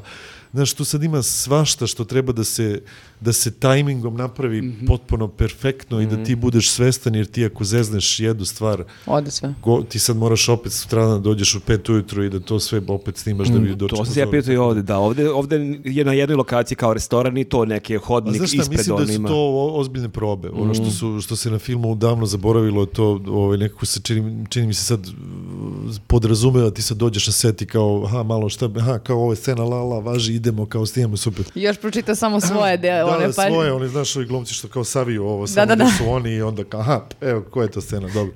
Ove, tako da ja, ja ne verujem u to, ja ne mislim da može se napravi bilo šta dobro bez, bez ozbiljnih priprema, pogotovo ako je snimanje Mhm. ovaj, u pitanju, ne, jednostavno ne verujem u to, i, i to, zato je meni teško snimam serije, jer je, mm, skoro su me zvali za neku seriju, rekao sam, koliko imate po epizodi, kaže, tri dana, ja rekao, znači 15, 15 strana dnevno, to je ne, to je ne mogu, mislim kako je to moguće, ali to će da izgleda tako i tako. I onda ti, kakav god da si glumac, ne možeš da se izvadiš u tom trenutku, jer je to, Samo štancovanje. pa samo, stani ovde, rekao sam, aha, važi, kupljeno, idemo, hap. Znaš, ti sad imaš recimo u nekim srpskim serijama, mi smo to gledali i smijali se, ti imaš lapsuse glu- glumaca koji su ušli jer oni nisu imali vremena ponove. Aha, Ili kao, da, da. I to je sad kao normalno, aha, va- ma nema veze to, da znaš, kao se antena, super je, super je, veruj mi, i tako. Tako da, ovaj, verovatno su to ozbiljne pripreme, to su radili neki ozbiljni ljudi. Pogledaj, pa- pogledaj film, glavna uloga je ovaj Steven Graham, čijem ima možda ne znači previše ljudi, on je glumio dve čađeve dvocevke Da, i da, tu je zanimljivo i tu glumi onog kuvara. Ima ona scena kad izvadi noć kad kaže u dvocevkama get your fingers out, out of my soup. Tako da mi je zanimljivo da njega nakon 20 godina vidim ponovo u ulozi kuvara i fenomenalni. I on je fenomenalni, svi glumci, stvarno onako ne dišeš kad gledaš i zaista se pitaš negde kako sam ja nekad tako idealizovao, kako ja cool imati svoj kafe i svoj restoran, koji je ono stres ljudi. Poslao sam odmah jednom drugaru koji drži restoran da pogleda taj film i rekao je mi je sutradan kao ubiću te kao da sam ovaj film pogledao pre otvaranja restorana ne bih niko otvorio restoran. Kao, To da, treba i Viktoru da to je pošaljemo, pošto Viktor Da. inače ima jedno od že, neostvarenih želja, to je da otvorimo news kafić. Kafe ćeš pomozi Bože, ali Da, restoran, restoran, fancy da, restoran i da, to... da, Restoran znači- je pakao. Morat ću pogledati to. Ne, ob, obvezno pogledajte, zaista ono, ogromna preporuka, a Maš je prošli ispod radara, čini Da, mi se. meni, malo si me podsjetio kad si pričao ovaj, o tome na onu scenu, ne znam da ste gledali seriju Milijarde. E, Niko, planiram već Ja godinu dana. da. Tu postoji jedna fenomenalna scena koju ja nisam uopšte skonto šta se dešava. Uglavnom imaš dinamiku serije, normalnu dinamiku sve vreme i onda u jednom trenutku uh, imaš tog nekog tužioca koji je jedan od glavnih likova i nekako su završili on i njegov ono uh, Nemezis, taj neki biznismen, završili su zajedno u nečijoj kući, da li njegovoj ili jednoj od njih dvojice. I tu je sin od ovog, mislim, biznismena. I onda u jednom trenutku ovaj, taj tužilac uh, snima kamere iz uh, kao neke perspektive koje je kao security kamera, ono, sigurnosna kamera. I, ovaj, i on kreće tu da prži jaja za doručak njima. I to traje, ne znam koliko minuta traje scena, 10 minuta, to je u real time bukvalno ono, ceo proces prženja jaja gledaš. I ovaj i ti si u fazonu, čekaj, šta je sad ovo, otkud ova scena? Kao ona scena sa muvom u Breaking Badu. Jeste, kad- E, e, bukvalno da, samo iskoči ono ovaj, iz, iz dinamike potpuno i ovaj, ja kao gledam ono i ne mogu, znaš, ništa ne kapiram. I tu se, nakon toga završi se epizoda i ja odem na internet naravno da provjerim o čemu se radi, šta je scena. I ispostavi se da je to omaž filmu The Big Night koji se dešava, koji se dešava ne znam ko, ono, u prošlosti nekad koji, iz koje godine film, uglavnom neki matori klasik, gde postoji ta scena, to je završna scena tog filma i kao ima cijelo objašnjenje zašto su iskoristili tu scenu, kao zapravo, ne znam, simbolizuje ono, ovaj, e, taj moment u, u životima tih junaka u, u ovoj seriji. To prženje jaja i sve to kao ono zatišje pred buru jer posle toga kreće totalni rat između njih ono. Ali potpuno mi je ono znaš kao sve je to snimljeno iz jednog kadra i ti sve vreme si kao voajer neki koji tu E, Ili posmatraš ogla- šta ogla- se dešava. Ogladiš barem, ono si spremao jaja nakon toga. Ne, ne, ja kao gledam Šta, da- šta znači Što mi se jedu sad jaja nešto. Gledam scenu i kao očekujem da se desi sad nešto neočekivano, ali ne, kao samo sednu i jedu jaje i kao... Vidiš kako je to majstorski. kako je Jeste, to je jeste, da, serija. bukvalno, znaš, samo te izbaci ono iz, iz koloseka Da, da, da. U, u momentu, tako da baš je dobra scena, mislim, cela serija je ono baš dobro urađena, ovaj, kad je otišao ovaj lik što je glumio tog nekog prvog biznismena sa kojim se ovaj ganjao sve vreme, ja sam mislio da će da padne serija onako prilično, ali nije. Uskočio je drugi lik, tako da je baš Pisac te ovaj, serije, dobra serija. ne znam kako se zove, on ima i zanimljiv podcast, i Tarantino mu je gostovao i baš mu je zanimljiv podcast, a ja sam tek posle otkrio da je on pisao, i u mladosti je pisao film Pokeraži i sa Matt Damonom, Mhm. ono, kad je imao tipa 30 godina je to napisao i nakon toga je svašta nešto još pisao, tako da očigledno talentovan čovjek. Da, da, da. Zna, zna da radi. isto preporuka, ko nije gledao, stvarno je dobra serija. Je li još neki film na koji će spomene? To je to. Ej, ja bih samo ukratko rekao, uh, na zapadu ništa novo, na Netflixu ima, ili All Quiet on the Western Front. To nisam Aha, još gledao to? Nisam, nisam, nekako još treba mi da se nakanim. Jel, Aha. treba da gledam. Pa, znaš šta, meni je stvarno super i vidio sam razne super komentare, bilo i oni koji su rekli kao već viđeno, mislim, moguće Ali da ti... moram ti kažem stvar, samo to što se tiče, vjerojatno na IMDB-u gledaš i tako dalje i tako dalje. Da, ne obraćam pažnju. E, nikako. Mislim, jedino ako je baš ono 4, 6 ili 5, 2 ocena. Znaš šta sam shvatio? Ako je, ima visoku ocenu, velika šansa da je dobar. E, ako ima malu ocenu, to ne mora da znači ništa. Ne mora da znači Ali da. recimo imaš te, uh, uh, evo ja mislim baš za Bad Banging or Looney Port. Mislim da je neka ocena tipa nešto 6, znaš, skromna, skromnica neka 6-4, 6-5. Remek delo je.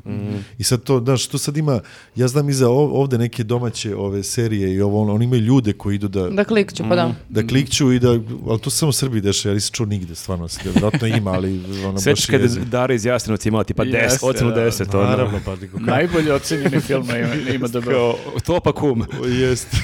Pa dobro, da, ali ja bih preuzela u obzir ono da da da uh, film uzeo nagradu u Kanu nego da ima ocenu na MDB-u ono šest. Dobro, ima, mislim. s- kako kažem, nije ni to merilo sad, naravno, uglavnom je kao, trebalo Pa- bi da bude, ali ima raznih film, pa Ali po mom nemoguće ukusu da ja je ne mogu govno, to hoću kažem. Pa ne, ne bi trebalo, ali ne, Da, ne da znači. Da, kad smo kod ocene, to je velika nepravda. Jedan od meni u top 10 filmova Things to do in Denver when you're dead sa Andy Garcijom, to ima tipa 6,4. Neko Da, baš ima mizernu ocenu. Da, da, ne, nije, nije to garancija, ali opet mislim, kad vidim da je ocena tipa 8 ili 7,8, znam da je velika šansa da će mi biti ok film. Ali ja- meni to, za sad ovaj 1899 koji sam pustio stvarno Mhm. jednu i počeo čak drugu, jedan počeo se smejem, ovaj, to je nešto 8-7 recimo. Mhm. Ali kod serija su veće ocene, sve serije imaju veće Pa ocene. jesu, ali ti Jeste, kažem naročito opet kad meni- krenu, pa je taj početni hype, onda ljudi ono kao nagruvaju ocene, posle se to malo izniveliše, ono pa Da, se, kad dođu da, svi, da ali jeste. Baš ide, mislim, ne mora da znači. Ne mora, mora da ali znači samo. na zapadu ništa novo, stvarno, ko voli ratne filmove, stvarno treba ga pogleda. Sad, moguće da ti u tom žanru,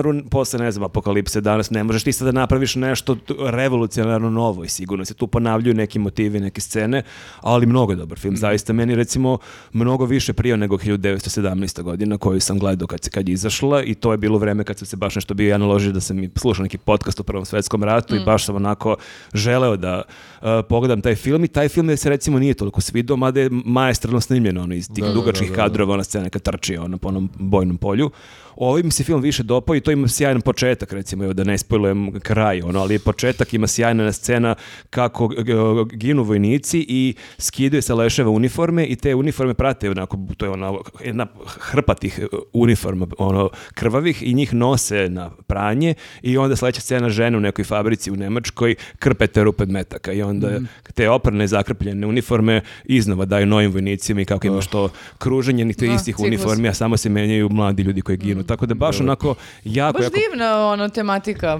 Pa, dobro, ratna je treba, tematika, da. ali... Šta Da. ćeš? to je rat, da. Ratna je tematika, ali Svaki rat stvarno je je... budalaština. Da, i to jeste poenta tog filma kao i svakog ratnog filma, ali ko voli treba da pogleda. Mislim, ko voli ratne filmove. Osim Ramba. Evo, Rambo je fazonu, daj da ratuje. Daj mi još jedan rat. Gde je rat a prošlog, prošlom podcastu smo nepravedno izostavili predstave. Jeste. a, i- Sram vas bilo. da. Da. A spremili smo. Međutim, toliko smo nešto odužili. Se spremili prejaka reč, ali smo- imali smo ideju da pričamo o tome. Otišli smo i pogledali. Neko je spomenuo predstava. Šta sve pošten čovjek mora da radi zbog Da. podcasta ide u pozorište. A, I ovo, ovog puta smo odlučili da ne ostavimo predstave za kraj, nego da ih stavimo na sred srede. Tako da, ja sam pogledala jednu predstavu naša prijateljica Jelena Stupljanin, nas je pozvala u Atelje 212 da gledamo predstavu koja zove Pristanak, u kojoj ti igraš. I meni se jako dopala predstava. Baš nekako, odavno nisam videla... a, a ako gledamo s glumačkog aspekta, toliko usaglašenost, ujednačenost likova i a, stilova i svega, nekako, nešto gledaš i pa si u fazonu, ova je malo iskače, ovaj Uvijek to je problem kaska. pozorištem. Uvijek, Ovde gledaš i u fazonu si, svako je perfektan. I pritom tematika koja je, znači, e, tiče se i odnos, naravno, odnosa muškar, muškaraca i žena, ali tiče se i a, kako bih to rekla, pa može silovanje u, u okviru Silovanje, bra, u braku. Pa ne samo u Silovanje, braku, da, i- silovanje. i ovih- ga- generalno, da. Da. A, I e, koliko god ta tematika... Čekaj, ti kažeš meni za ratni film kao uf, kakva je tematika, da, ali, ali- predstava o silovanju. A, ne, užasno je zanimljivo to Pa ne, ne, ne što su toj slažem se, tematici pristupili tako da ti iz tog nekog ironičnog, ono, sarkastičnog odmaka imaš toliko duhovitih i teških naravno, ali duhovitih momenata koji su odlična i kritika, ali nekako ti bude na, na za, i zabavno da gledaš, mislim. Da. Ja moram da kažem, e, pošto nisam gledao predstavu, ali dan posle predstave došao Nenad je rekao, je tad nismo uopšte znali da ćeš doći podcast, jebote koliko je dobar glumac Bane Trifunović. To je bio prvi. Ali ne, to nije, znaš, kao ono... E sad, moguće da nije imao neko visoko mišljenje ranije o tebi, pa si ga sam ga iznenadio. Kolik Ne, zna. ne, Tako se ljudi iznenade sa mnom. Vidi ga ovaj glumi jebo. Ne, ne, pratim čoveka, ali ovde, o- ovo je bilo, ne, ne znam kako bih rekao, ono, e, nivo iznad svega što sam vidio do sad. Stvarno je bilo fenomenalno. hvala, Mislim, i v- i ok, takva je uloga nekako, i, i, ali, Ali si ti to baš stvar, iznao znači to je ono. ovo što sam malo, malo pre sam spomenuo. Prvo, imaš scenariju, tako. I sad to neko mora da napiše. Mi glumci smo uglavnom, ovaj, meni je Ćale jednom kad sam krenuo da se bavim glumom, pošto je moj Ćale isto glumac, onda je rekao, sine, na kraju karijere ćeš imati pet predstava ili pet uloga. I ne više. I to kaže čovjek koji ima preko 260 premijera u ovaj pozorištima i ne znam šta je sve snimao. Znači pet. I to je zastrašujuća informacija. I sad vide, pogledajte svakog velikog glumca, evo izaberite bilo koga, Branda, Denira, Gary Oldmana, ne znam, koga, šta god hoćete. Daniel Day-Lewis, dobro, ali on nije svoje planete. Nego ovaj, i sad, oni imaju svi pet uloga. Sad, jel da, zna, aj, razmislite malo. Realno da, mislim, to je neki maksimum po... Nema Da, i Michael, i Michael Caine ima tipa pet uloga. Pa malo. pet, Da, da, ali da. z- koga god uzmeš, Da, da. nabro- nabrojat ćeš pet da pamtiš. Mhm. Ne možeš, ne možeš da pamtiš, mislim, nema više. Mislim, ima sve to dobro, ali kao pet. Pet je, da. I sad, sad to pitanje teksta, pitanje ovo što si ti rekla na nivou glumaca u ansamblu, zato što je to taj pristanak smo radili sad, ovaj, ja ne pamtim tu vrstu kolegijalnosti divne koju smo imali, koju smo nas sedmoro stvorili tu, da smo se svi gledali, pazili i vodili računa, jer naravno i Nebojša bio tu i tako dalje i tako dalje, ali je ne, kad imaš tu sigurnost i kad znaš ko ti je tu i kad možeš da se igraš i kad možeš da kažeš i kad možeš da primiš bez ikakvih sueta i, i budalaština, onda je rezultat ta predstava. I zato ta predstava jeste, se o njoj priča zato što to jeste neki drugi nivo gde smo mi uspeli da ne pričam da je sad to genijalno i šta god, da me ljudi pogrešno ne razumeju, ali to je neki drugi nivo pozorišta gde se mi ne, ne borimo jedni protiv Da, drugih, nego, ne nadmećete nego se na radimo, sceni. radimo nešto za predstavu Mm. i onda se, kad se tako mazimo i volimo i, i slušamo i, i pazimo, onda je to sad ispadne tako kako je ispalo. Jeste, Men- da, to se stvarno i vidi, mislim, i super su nekako, ovaj, uh, svako je, uh, mislim, jeste kao kolektiv je sve vreme, ali, uh, ne znam, na početku predstave malo akcenat na jednom liku, na kraju na nekom drugom i, i sve to nekako, znaš, svako je opet i dobio priliku pro- i prostor da, da ono, uh, pokaže sebe i da, da uh, to je- razradi to je svoj lik.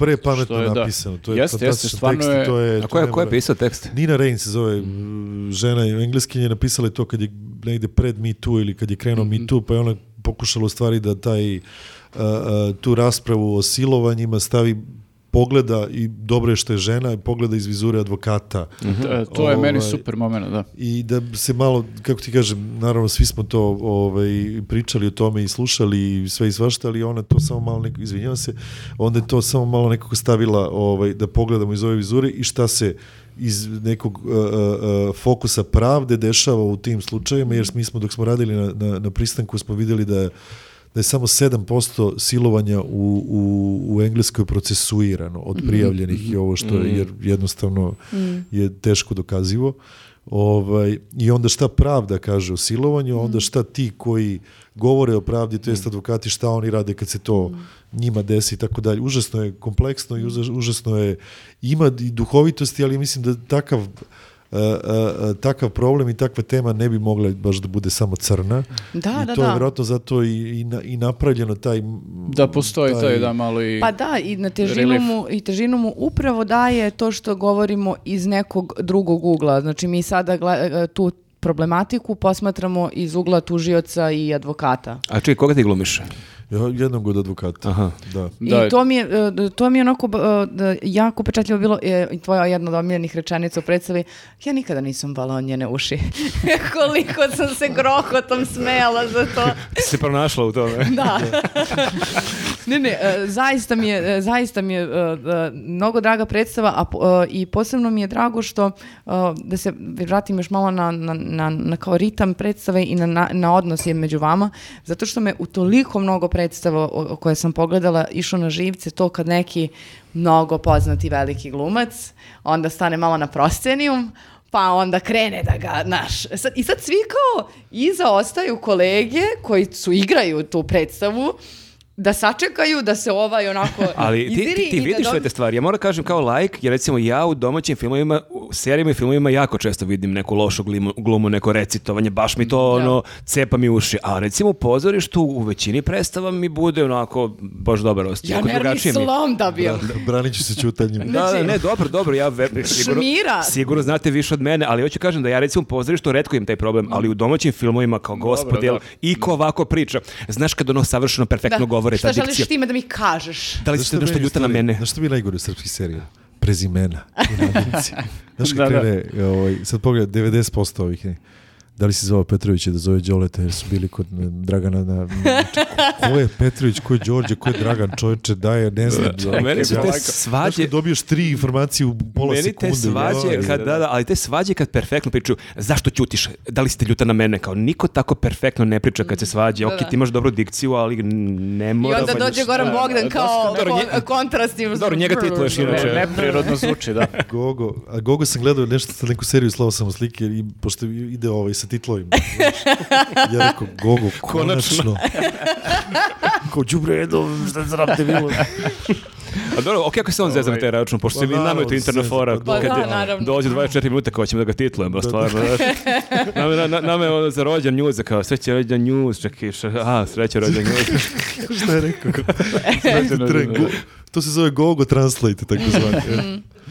Da, u svakom slučaju preporuka za, za predstavu i dotakli su se neke stvari, mislim, meni je ovaj, e, to mi je onako bilo zanimljivo uh, moment kad e, žena koja je ali, bila silovana i ono na sudu je zbog toga e, shvati da jel advokati odbrane i tužioci se druže međusobno i super su, njoj se tu ceo svet sruši jer kao e, ona zamišlja jel Da su oni u nekim rovovima i da da, ste vi u rovovima i kad ste privatno ono ovaj van sudnice ovaj i to je znaš kao to kao percepcija malog običnog čoveka e, kako percipira sistem ono znaš i ovaj To ti je kao, ja sad, evo, prva asocijacija na tom je recimo Duda Ivković i, i Željko Bradović su bili treneri Olimpijakosa i Panatenikusa i sad gori Atina, ono, završilo se neki play-off i neko ludilo i se tuku biju, a njih dvojice sede u restoranu. naravno, Jeste, to kumovi. je to, su da. čak i kumovi, ja mislim. Da, Da, da, da, kumovi su, naravno i Jeste. Željko i Duda sede, je večeraju, pričaju, šale se, znaš, druže se, a ovamo gori sve oko njih. Ali Jeste, to je to, došli, da. naravno. To i, i dobar mi je moment, e, pošto je jel, engleska autorka, da sam shvatio da zapravo silovanje u braku e, je nešto o čemu ljudi izgleda ni tamo ovaj, nije ne znaju dovoljno, nego ne, ne shvataju da to postoji uopšte kao fenomen.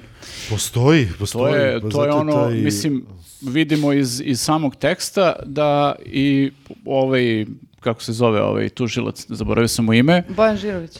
Da, koji je kao, jel, to Da, na ko, kraju... glumi još nismo rekli. Bojan- E, da, vrlo je bitno da po- pomenem Da. sve. Znači, evo, Bojan Žirović, evo ja ću. Evo, Ajde. molim te. možeš ti, znaš na Moje da. divne ljude. E, znači, Bojan Žirović, Jelena Stupljanin, Jovana Gavrilović, e, Marko Grabež, e, e, Sofija Juričan i e, Tamara.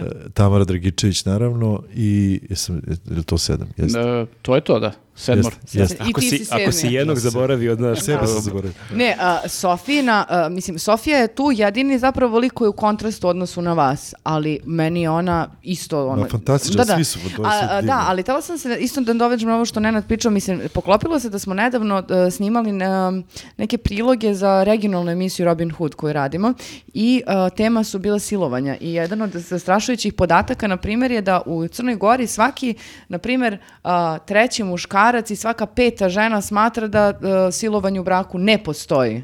Znači, danas, as we speak, Da. postoje ljudi koji misle da silovanje u braku ne postoji. Da, ali da, iz ove predstave ja zaključujem da to Nije samo slučaj nije kao slučaj kod samo nas. kod nas, da, očigledno je Pa to nije, problem širi. U tom, ali mi o tome i u, i u našoj predstavi govorimo o tome Mhm. da li ti je rekla ne. E, pa to je, to je meni jako bitan moment gdje Znači, prosto da, da ljudi makar shvate to da da, može da se desi silovanje i u braku između ljudi koji su decenijama Zajedno. zajedno, Tako je, i muž i žena su, ali da, postoji taj problem, da li ti rekla ne? Pa samo da li ti rekla ne, to je sad kao, ovaj, sad je tako da ima, ja izgo, ovo je moj lik izgovara Sad je tako da uopšte ne moraju da se brane, dovoljno je samo da kažu ne. Da, Da, da, da. da. Ja- Ali su, da. Ne, steo sam pitam, nevezano za ovu predstavu, baš sam to, uh, Hristinu Popović sam baš gledao kod Galeba i super jednu stvar pričala koju nisam nikad razmišljao i baš sam se zamislio nakon toga. Nešto on nju pitao kao kako je teško ući u ulogu i cijela ta priča, a onda je ona nešto rekla i to bih to i tebe da pitam. Uh, Kaže kako je zapravo nekad mnogo teže izaći iz uloge i da valjda čak negde u Britaniji ti sat Britaniji ima, vremena da, da. nakon pre- Da, ima, predstave mislim da je dva sata u, u zakonu. Je. da, ako ti napraviš neki manje prekršaj, ti možeš da da. kažeš ja sam još u liku ludaka i koga sam glumio. Pa znaš šta, čudna je ta, da, za- naravno da se ne, ne lažemo, ne uvek, ali postoje, uh, postoje uloge gde ti stvarno kad završiš predstavu ne možeš baš da budeš, znaš, treba ti neko vreme da, Mhm. da je malo izdah, da sedneš, da bleješ jednu tačku i da kao, da- ajde malo samo Da se vratiš Da, o tome nisam nikad sve. razmišljao, da, vrlo, ali vrlo je logično zapravo. Ali, Kako ne? Pa jeste logično, samo kažem, ne mogu sad da, da te lažu glumci, to je stalno mi je, moram da se vratim u život jer je jako teško. Ali ovaj, e, nije naravno sve, ali stvarno ja sam imao recimo, ne znam, Dogville kad smo radili, ja sam stvarno meni posle Dogvilla trebalo jedno 45 minuta da kako kažem, da vratim sliku u, u frame, da se da. malo, ovaj, jer nešto nije. Jer tu sam imao, ne znam, sad osam uloga muški koje treba da igraš i to je isto ogromna koncentracija koja mora sad, ko, ko je ovaj, ka, šta je ovaj, šta ovaj radi, šta priča, čemu misliš, šta, znači sad ti 300 stvari koje inače radiš za jedan, jedan lik, sad moraš to staviš u digest na klik na osam ljudi i to je ovaj, šizofrenija Jeste, totalno. da. Tako da postoje te neke, ovaj, u engleskom zakonu postoji da si recimo dva sata čini mi se posle predstave da se to računa kao smanjena uračunljivost. Da, lobiramo da nekako da se to i kod nas uvede. Ja vas molim. Ako imamo neki utjecaj. Ako gleda ovo neko ko piše zakone, Da. molim vas ono. Ajde, Ovo je, da, nešto što nam baš nedostaje. Dajte ovom da čovjeku priliku da napravi, ne- da napravi neko sranje posle predstave i da se vadi na predstavu. Zašto samo ja moram da vodim računa posle predstave? E, kad ste spomenuli e, predstave, kad ste rekli Marko Grabež, e, setio sam se, e, gledao sam predstavu, nisam sad skoro, ali pre možda pola godine, u- isto u ateljeu i fenomenalno mi je bila kafa i cigarete. Da. Ne znam, da- ti nisi... Ja, ja nisam. Ja Ni- čuo niste to, gledali? da, da. I ja moram priznam, bio sam dosta skeptičan zato što sam kapirao, ha, to je Džarmušov film, ja sam taj film gledao i nije me nešto film oduševio, mada sam gledao pre 15 godina i inače mi Džarmuš nije u, ne znam, top, ne znam koliko reditelja. I taj film je, koliko se sećamo, ono, crno-beli, u svakoj sceni su dvoje ljudi, uglavnom Da, u da, da. kafiću, puše... Kafa i cigarete. Kafa i cigareti i oni iz cigarete nešto neobavezno ćaskaju. Ali koliko se sećam u filmu, te priče nisu povezane, nego svaka priča je ono epizoda za Sebe, sebe. jeste. I on sam ja očekivao će to tako biti u predstavi. Ono kao, ajde, ono, i otišli smo, ja sam potpuno odlepio na tu predstavu, ali super mi je što je zapravo jesu, u svakoj sceni jesu po dvoje glumaca, uz cigarete nešto pričaju, ali svi su likovi povezani i ti tek kada pogledaš sve te priče, vidiš zapravo jednu celinu svih tih likova, ko je s kim na koji način povezani, koje su njihove priče, a baš ima Marko Grabež i glumi jednoj sjajnoj sceni, pošto ima ovako i dosta komičnih scena, a i zapravo je predstava jako ozbiljna, meni su čak i na kraju i zasuzile oči, ali baš ima ta super scena gde Tihomir Stanić je neki profesor, a Marko Grabež je student i on hoće tu da odloži ispit jer ništa nije spremao i onda on dolazi kod njega na konsultacije i onda oni pričaju o svemu i svačemu i to je jedna potpuno genijalna scena i zaista ono ogromna preporuka za tu predstavu i baš, e, baš sam se setio kad sam te ovo pitao jer sam posle predstave sam šetao i iz ateljeja je Tihomir Stanić izašao i stvarno mi je delovo onako da je on i dalje u tom liku. Jer i, i, i udari- udari glavom u kao što Bukvalno, tako je hodo i čak toliko, hode bukvalno pored mene i čak nisam htio mu kažem e svaka čast jer vidim da ne treba da ga Da prekidam. tu, Vidim da. da, on je i dalje u predstavi. da. Dobro, moguće. to. Mislim, kažem ti stvarno, to, to, to, ja, ja znam ono, po sebi, verujem, znam i za druge glumce, ovaj, Mm. da, da neke, naravno, da, da imaju taj, baš da, da nisu tu. Mislim, stvarno treba. vjerojatno zav- zavisi od uloge, jer njegova ta uloga na kraju zato baš kažem, ne treba sad praviti neku mistifikaciju toga preteranu, ali činjenica Ali ima da je toga, to. Pa Da, dobro, da, očigledno. na primjer kao d- pokojni Nebojša Glogovac u Huddersfieldu, mislim, nakon Jest. toga ono izgubi 10 kila, mislim, Jest. nakon te predstave. Pa se vratio normalno. je. Da, da, da, tako to da- Je, eto, to je dobar primjer. E, ali um, mo- minut samo pažnje da se posveti Marku Grabežu, jednom od uh, najtalentovanijih mladih glumaca današnjice. Mi smo smo inače nakon ove predstave prisustvovali dodeli nagrade koje je dobio iz kog... da, Zoran š- Radmilović. Zoran Radmilović. Da, dobi za mladog glumca. Mlad večer, da. I, I dobar i muzičar, znači on ima i band. Upravo Da, to da, da. hoću da kažem, znači multitalentovan čovek ima pored Kao toga... Harry Styles. Jest. On je naš Harry Styles u stvari. Mo- mo- može se reći. Band se zove Koji Koji, obavezno obratite pažnju, stvarno E, kidaju. sviraju u Novom Sadu 20. i nekog decembra na nekom festivalu, to sam juče video, ali Moguće. proverite datum. Da, Da, da, proverite, stvarno su super i on je nekako toliko divan dečko, tako Jeste, nekako lepo vaspitan, jeste. dobar. E, da, je, mislim, Grabež je stvarno multitalentovan dečko i, ovaj, i divan i čovjek i kolega Mm. i sve i ovaj, tako da, eto, ne znam šta bi rekao. Da. Dobrota, ja, dobrota. Ja, ja sam ga gledao nedavno i u predstavi Amsterdam, o tome ću u sledećem podcastu da pričam. Isto je, ovaj, e, mislim, teška isto predstava i on je onako prilično dobro odigrao tu, tako Gledajte da, ali o isto, put. Grabeža i Jeci Stupljanin i ostalike, ovaj, bila je nova premijera u Mhm. ateljeu kao i sve slobodne devojke, djevojke, tako da vas molim da, ovaj, E, evo iskoristio bih super. ovo vreme. Da pozovemo i E, naše drago mi, je, drago mi je da si pomenuo jer sam ja gledala predstavu i e, meni se jako dopala.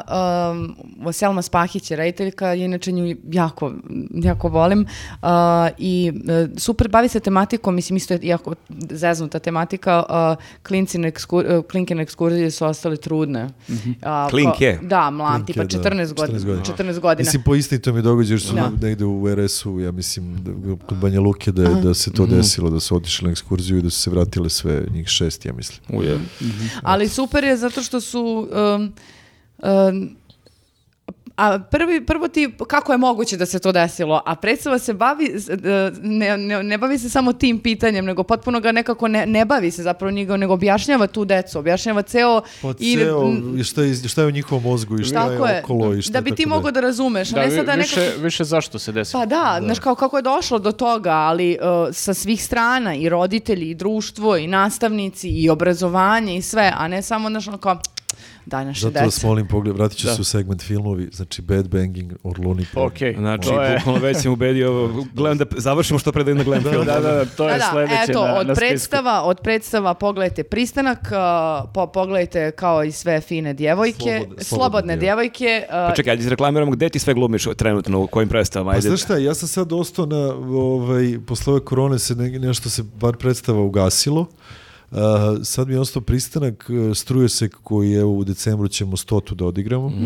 Ovaj, to je baš onako lep jubilej i mm, šta mi je ostalo? Ostao mi je veliki Gatsby i to je, to je za sad sve. Sad evo radim nešto u kultu i u decembru nešto sa, sa Kokanom Mladenovićem treba da počnemo ovaj, da radimo, tako da eto, imat ću još dve predstave. E, pa super, gde, gde si igra Veliki Gatsby?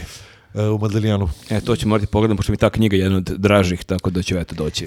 Pa da, misli sad knjiga, da, ali znaš ti dramatizacije... Nije dela lako. Koje, da, to je... A, kad smo kod Kokana Mladenovića, samo kratko da pitam, a, predstava koju je skoro režirao u, nar- a, u Novom Sadu, Što na podu spavaš? da čula sam sve najbolje, jesi gledao ti to? E, nisam gledao, ali ja sam, ovaj, kad dođemo do knjiga, to je jedan od ljudi koje želim da spomenem, koji se zove Darko Cvjetić, to je, ovaj, da, ajde poslije. Evo, možemo Evo, o knjigama Mi sad sad, i prelazimo na knjige, evo izvoli, Darko Pa dobro, evo Cvjetić. sad kad se ovaj, spomenula si ovaj, to i što na podu spavaš, e, to je čovjek iz Prijedora, Darko Cvjetić prvo je napisao taj Schindlerov lift koji... Jo, to sam čitao, to je baš heavy. E, da. E sad ovo je što na podu spavaš i priča o njegovom bratu koji je bio u, u kasani Viktor Bubanj, on je u Sarajevu ovaj, na početku rata, tako da je sad to iz, iz njegove vizure, izvure ovaj, šta se njima u stvari dešavalo tamo.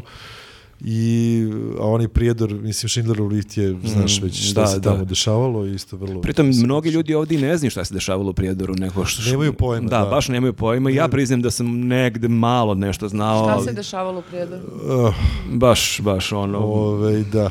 Teške ratne stvari. Teške ratne Da. stvari, da, da, Pa baš. on je se fokusirao na ta dva njegova solitera, isto je Kokan radio predstavu u Schindleru liftu u kamernom, ja. Samo je, znaš kao meni bio problem sa tom knjigom, što ona je užasno potresna, ali opisuje taj neki veliku zgradu i kao taj lift poveze sve spratovi i onda opisuje sudbine raznih ljudi u raznim stanovima, Srbi, muslimani, šta se dešavalo, ali sam imao problem što uh, jako to vuče priča, ali svako poglavlje maltene je neka druga porodica, neka druga tragedija. Ja nakon sedme, osmog poglavlja i sedme, osme tragedije sam već postao neko, malo sam se pogubio, malo sam postao, neću kažem ravnodušan, ali nekako nije mi imao neku nit da ja pratim jednog junaka pa da me to negde uh, vozi kroz knjigu, nego jedna porodica, druga porodica, peta, desi, sve su priče, Dobro, ali nikad gore. Priča, priča svojim ljudima s kojima živa. Shvatam, ne, ne, shvatam ja sve to, nego kažem, ja kao čitalac sam imao taj problem da mi je bilo previše likova i previše tragedije da nisam uspio više da se nekako vežem za tu celu priču. U nekom momentu mi je bilo prosto dosta svega, ali to je moje mišljenje, znam da prosto mnogi ljudi su na tu knjigu baš Pa uzmi odlepili. Ovaj, što, da, ja isto, i meni je što na podu spavaš isto potpuno ovaj,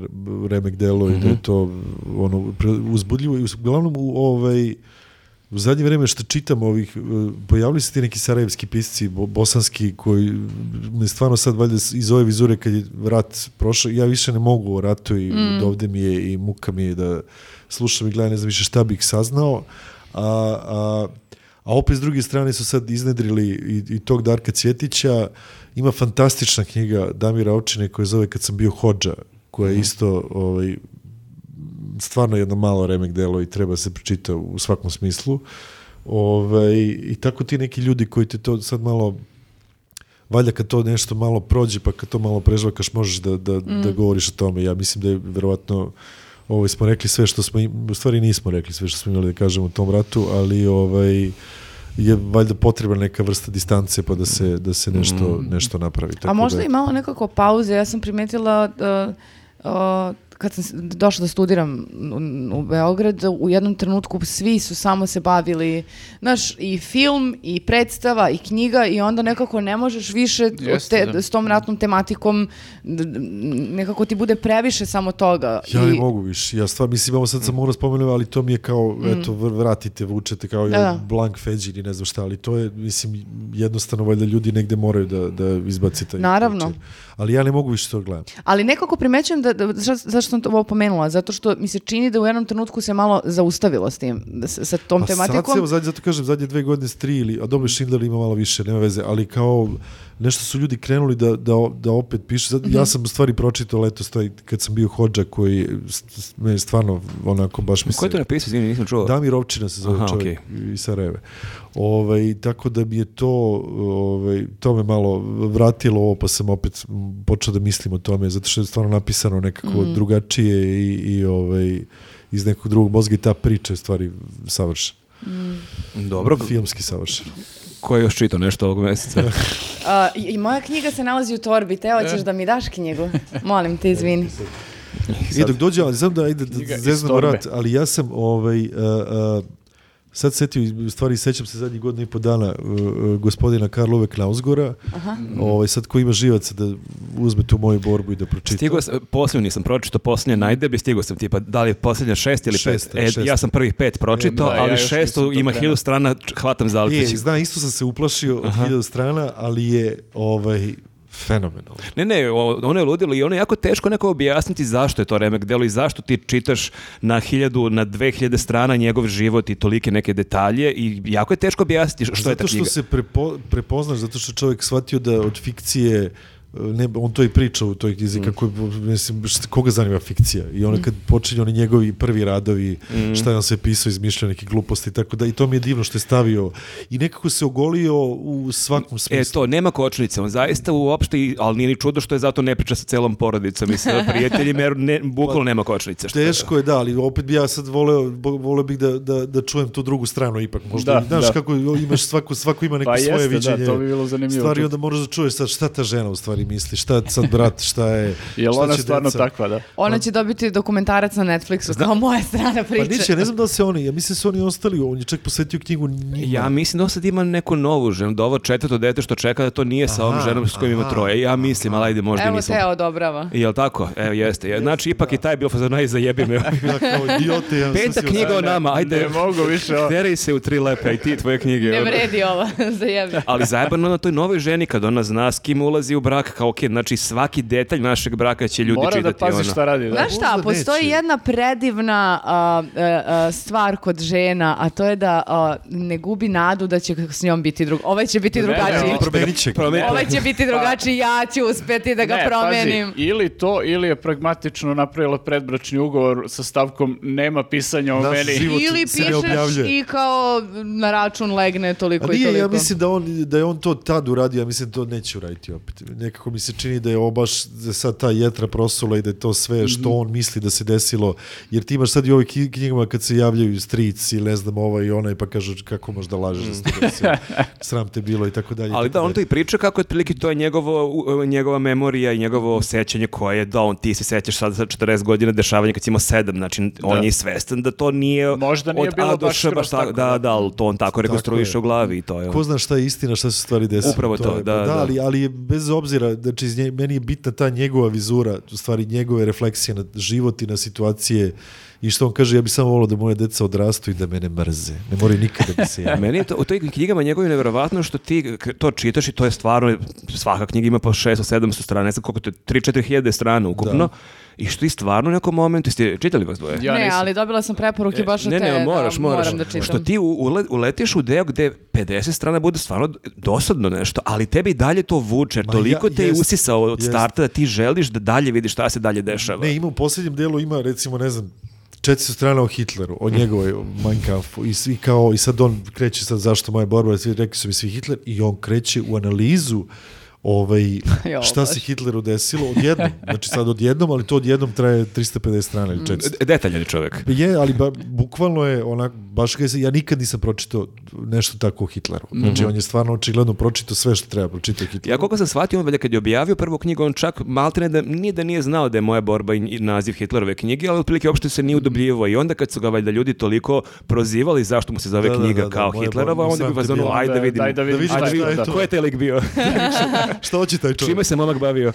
I, Zašto ovaj, se on borio? Tako da je to, da, ima, slažem se da ima, ali mene toliko, baš me goni ko, ko da sam binđovao neku seriju, pa čekam da se završi i kao šta će E, pa sad, dobro, šta to, je sad to, je, ova... to je dobra knjiga. Da, da, tipa u trećem, e, prve dve su onako baš ozbiljne, onako govori o svom braku, razvodu, o ženoj depresiji, očevoj smrti, a onda u trećoj i četvrtoj se vraća u detinstvo i Da. u studentsko doba i to je meni super kad Jeste, ono, je on je tu student kao još uvek je nevin i cijela knjiga je zapravo on koji pokušava da smuva ribu pa Ali predaje stvari- u nekoj školi i onako ima dosta humora u, tipa ja- knjizi. jako je duhovit. Da, ali da. je, u stvari ono što mene najviše zanimalo to je da on kao introvert očigledni, ovaj, da je u stanju, da, da nje- koliko, kako njemu mozak radi, gde se ti sad ono, bonduješ s njim, da sad kao taj introvert koji je u stanju da napiše čet, šta- bi on sve rekao da može da priča Da. i vidiš kako se on znoji na roditeljskom u vrtiću i da, da mora da izgovara onaj small talks i tako dalje i tako dalje. Meni to u stvari, taj kontrast mi je fantastičan i onda kad to sve napiše i svoje vizure ovaj, intro, introvertnog ortaka, onda je to meni remek delo potpuno.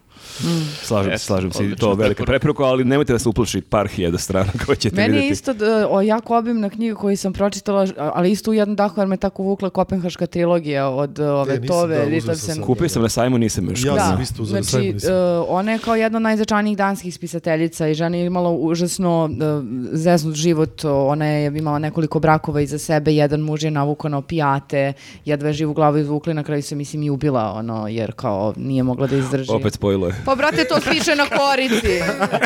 o, to piše na korici, nema me zajebavati. Šalim se bre. A, I o- ono što mi je ovdje bilo zanimljivo jeste što ona e, piše znači o, o svojem detinstvu, mladosti i kasnije o, o zavisnosti, to su tri neke celine. I jezik kojim se koristi na početku onako biva jako naporan jer ona kao piše kao devojčica. Te rečenice su jako simplifikovane detinje kako i kako sad dete govori i kako dete pojma svet. I onako taj deo je poprilično velik. Ja sam očekivala da će taj deo oko zavisnosti i, i te cele priče ka- u kasnijem dobu biti mnogo, mnogo obimniji, međutim ne, to je, tome je posvećeno čini mi se mnogo manje stranica nego što je detinstvu i mladosti, da je, da je najveći akcent stavilo na to kako je doživljavana de- de- devojčica tih godina o, u, u- Danskoj, ka, šta je njena uloga bila i odakle to da se ona drzne da piše. A iako ti, naš, kao sad pomisliš kad sa ta- takvim životom da ćeš da dobiješ dosta priče o tim, međutim ne, o tom odrastanju i mladosti onako baš bio ključ uh, cele knjige, a da ovaj deo oko zavisnosti, oko onako poprilično zastrašujuć, uopšte nije toliko odlazila daleko u tome. To je, znaš, ono, verovatno i njoj Ko bila... Bekim Sirenović, to jesam ga video. Jes, Yes, da, to yes. je isto to, eto. Manje više. Da. Nego te ja si pričaš o A ovoj da, knjizi. a, da, a, pa da, ja čitam, pa kao mogu više knjiga da pomenem. Da, inače, moram samo kažem pre nego što počne priča. Znači, ja sam ti pozajmio knjigu. Znači, Pogledajte vi na vra- što. vratila mi je origami. A, to je zato Znači, što... o, ovoj ženi nemojte nikad knjigu da pozajmljujete. Znači, Ja sam bukvalno, rekla da ću ti sa- kupiti. savila je Inače, svaku, da, ma- svaku drugu stranu je savila. Marko prezire kad se ovo radi u knjizi. A kako da ne preziriš? Znači, ne, pogledaj, A, bukvalno Moram sva- zato što mi je onda lakše da znam tačno neka neka lepa rečenica koja mi se svidela. Znaš kako ja to radim? Ja podvučem olovkom ja, rečenicu. ja zapišem u, not, u, u notovima Ma, na telefonu. druže, kao ta i ta strana o Slikaj, tome. Da. slikaj. Pa znaš ti koliko, pa slikam i čuvam.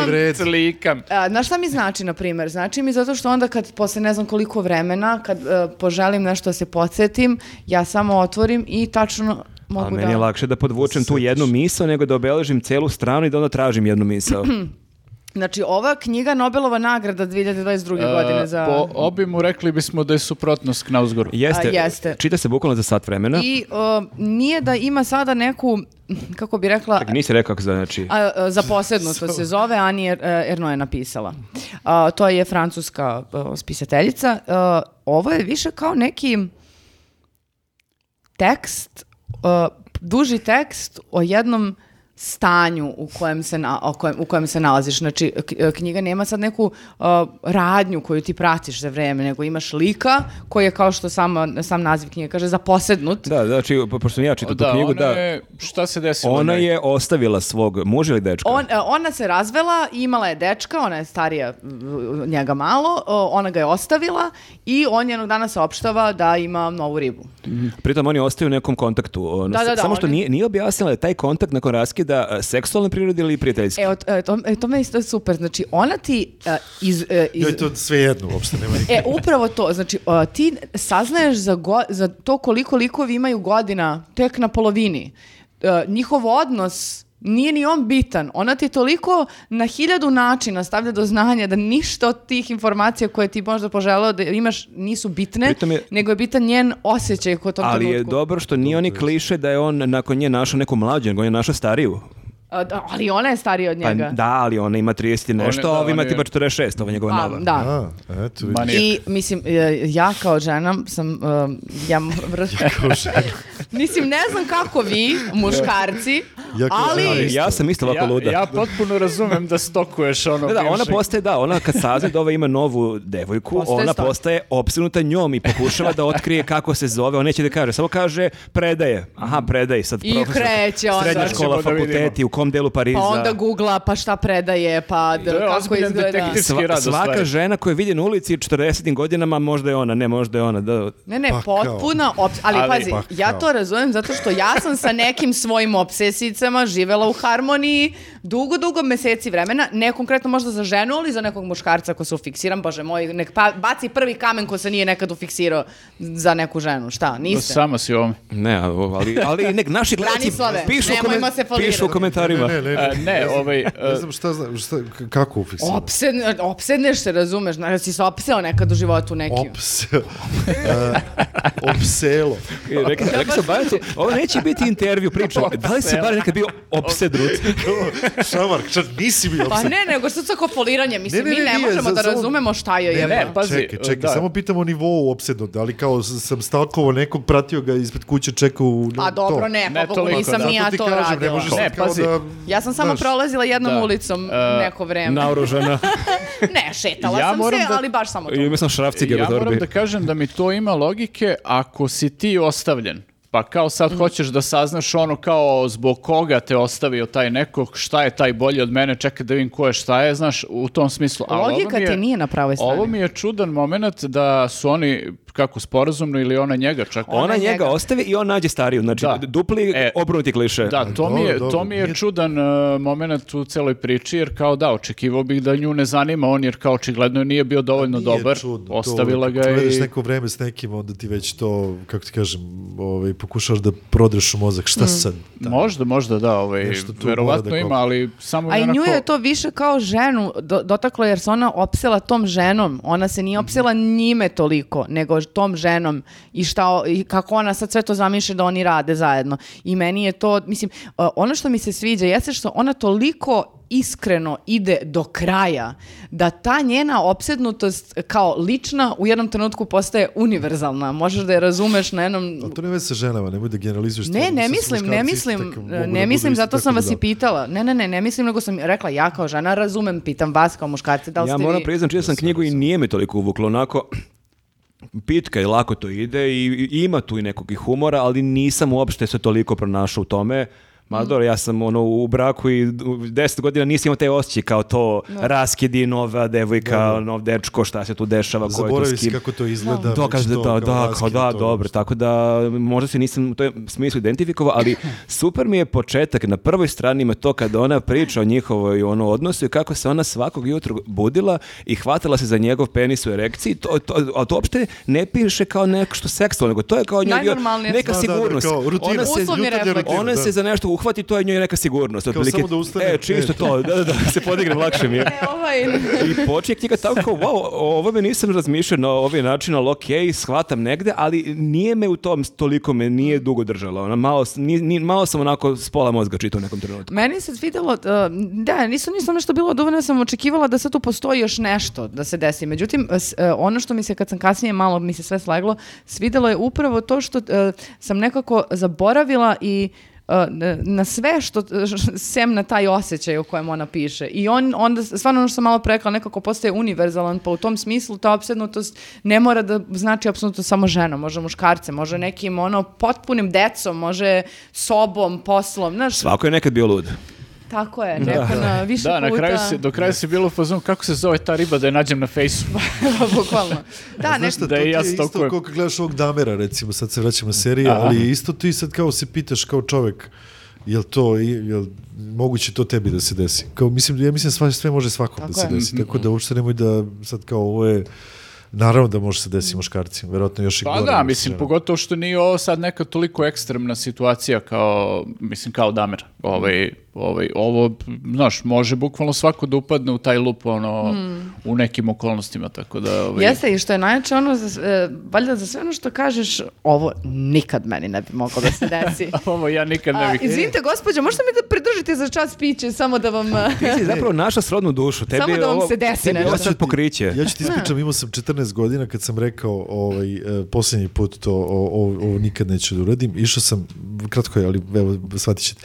Išao sam, znači, bilo je ono... Kao, ne brinite, shvaćete. 92. sankcije ludilo, Sergej tu, ja nešto keva šalje, tri kofera, stvari, hrane, sarme, ovo ono, ja sad da kurir da ponese sarmu za Beograd, ja užice sad to šest sati vozo i prepuni ludilo, ja sednem u neki kupe i ovako preko puta mene sedne neka žena i naravno sat vremena je već prošlo, otvara se pile, la, la, la, hleb neki masni, uzima paradajz, ovako ceo i ovako kako jabuku i ja, znači, smuči mi se i kažem, nikad u životu neću pojesti paradajz ovako.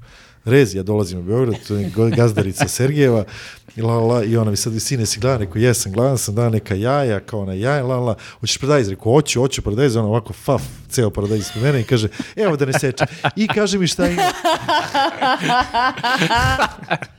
Znači, ali bukvalno, znači, tri sata kasnije, paradajz, gledam suzica Ja nisam nikad tako jeo paradajz, moram da priznam. Nisam ja nikad, ali Da. da. tad sam naučio da to Da. nikad neću sebi reći nikad. Da, ne, znači, sledeća njegova rečenica, nikad neću ljudima koji dođu u gosta ovako da dajem ceo paradajz.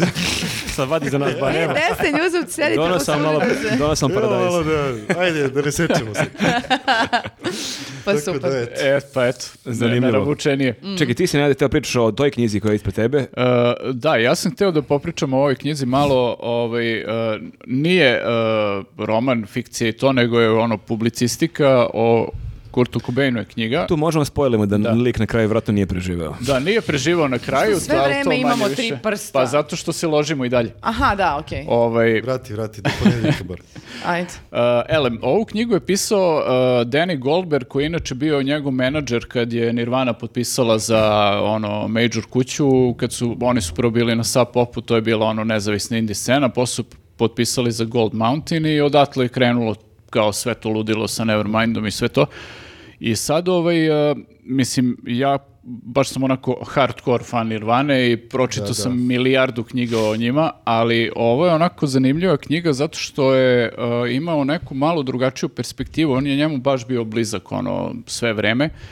Uh, i uh, dosta je onako objektivno pisao o, o svemu što se dešavalo, između ostalog i o njegovim problemima sa, sa ono, drogom ovaj, i mislim na kraju i o smrti i o svemu. E, međutim, ono što je meni bilo jako zanimljivo je taj moment e, gde on objašnjavao, malo je razbio taj mit, ono koji svi znamo da jel Kurt nije voleo slavu, nije ono kao Aha, e, naš nije, nije, nije se ložio na, na sve to. E, on nije voleo da ga prepoznaju na ulici i slično. On, dok, dok su živjeli oni Courtney u LA-u, oni su ono stavljali lažne brkove i kačkete kad idu u market i to. Taj moment nije voleo, ali on zapravo jako voleo da izađe na scenu pred 10.000 ljudi i da svira i da, da ih oduševi, da ih oduva i e, nije uopšte bio u fazonu kao uh, da, da se njemu ta slava eto desila slučajno i kao ne zna šta će sa tim. On je jako u profesionalnom smislu bio uh, fokusiran i, i jako je profesionalan bio svemu što radi kad je muzika u pitanju uh, do, sad do najsitnijih. Da, detalja. ali to je zanimljivo zato što ja kao stalno imam tu Tako tezu je, da. da. je to borba, ovaj, kao Amy, la, la, la, svi to popularnost, a vidiš sad ovo. To, Jeste, da, on uh, čak, mislim, bar po priči Denija Goldberga, nije imao ništa ni protiv popularnosti Nirvane, mislim, on jeste kao sve vreme bio rasepljen između toga doće da bude i underground i, i mainstream, ali kao nikad nije bio u fazonu da ne želi da bude Nirvana popularna, on je baš ono radio sve vreme na tome i to je bio cilj, kao on, on je hteo prosto da uh, punk, koji je njemu bio ono kao svetinja, da punk postane mainstream i to punk kakav, ga, kakav Nirvana svira i da povuče sve te bendove iz Sijetla i nezavisne bendove koje je voleo, da, povuču, da povuče sa sobom i da, da ih učini ono što vidljivim.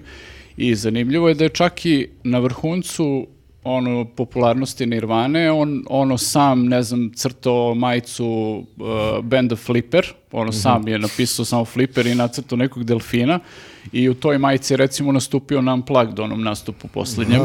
Ovaj, sve vreme imao tu neku baš jaku etiku što se tiče nezavisnosti scene, on, nezavisne scene, ali uopšte nije imao ništa protiv da proda 10 miliona ploča ono, i da, da postanu ultra mega giga popularni. Pa, ovo sad baca Tako Maske da ovo padaju. svetlo, Da, da. Šta je sledeće? Voleo je da svira i Smells Like Teen Spirit, pošto ima i ta priča da tu pesmu nije voleo. Pa mislim, on je kao, verovatno kao i svaki veliki bend, ono, gadila mu se ta pesma u trenucima kad je morao da svira ono non stop, ali kao činjenica je da je ta pesma ono postala maltene veća od Nirvane, ono, tako Koliko da... meni jako što su oni u vrhuncu, im taj čuveni Unplugged, kao u vrhuncu popularnosti, svi su očekivali da će da odsviraju svoje najveće hitove, a u Unplugged verziji oni su odsvirali tipa dva najveće hita, Jeste, dva da, hita, sve a, ostalo su da. bile neke ono o tome, manje da, poznate. O tome postoji i ovde, znači on je imao bukvalno, to je jedan deo koji sam izdvojio baš iz knjige da pomenem, ovaj, uh, on je imao svoju umetničku viziju za Unplugged koncert, jer to je obično bio,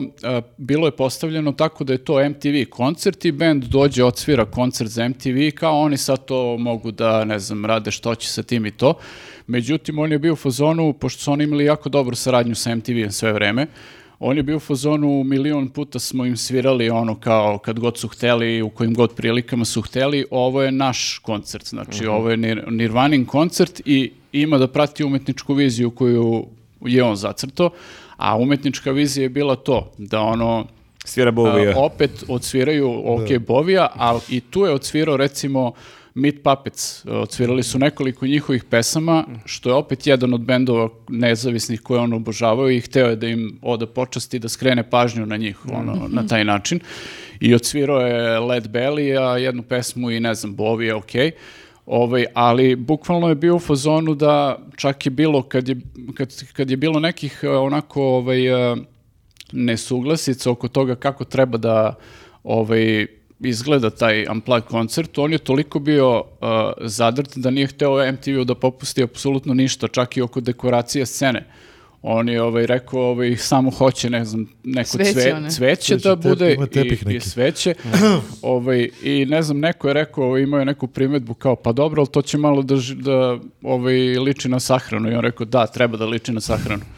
I, ovaj, i tako da nije, nije odustao od, od svega toga, ali zanimljiva stvar kod Unplugged je da je on ovaj, a, pored svega toga što je kao sve savršeno jel, osmislio, kad a, su završili koncert, a, on je bio u fazonu, bili smo užasni, ono kad su otišli u backstage, on je rekao kao bili, bili smo užasni, kao nikakve reakcije publike, ono kao nije bilo.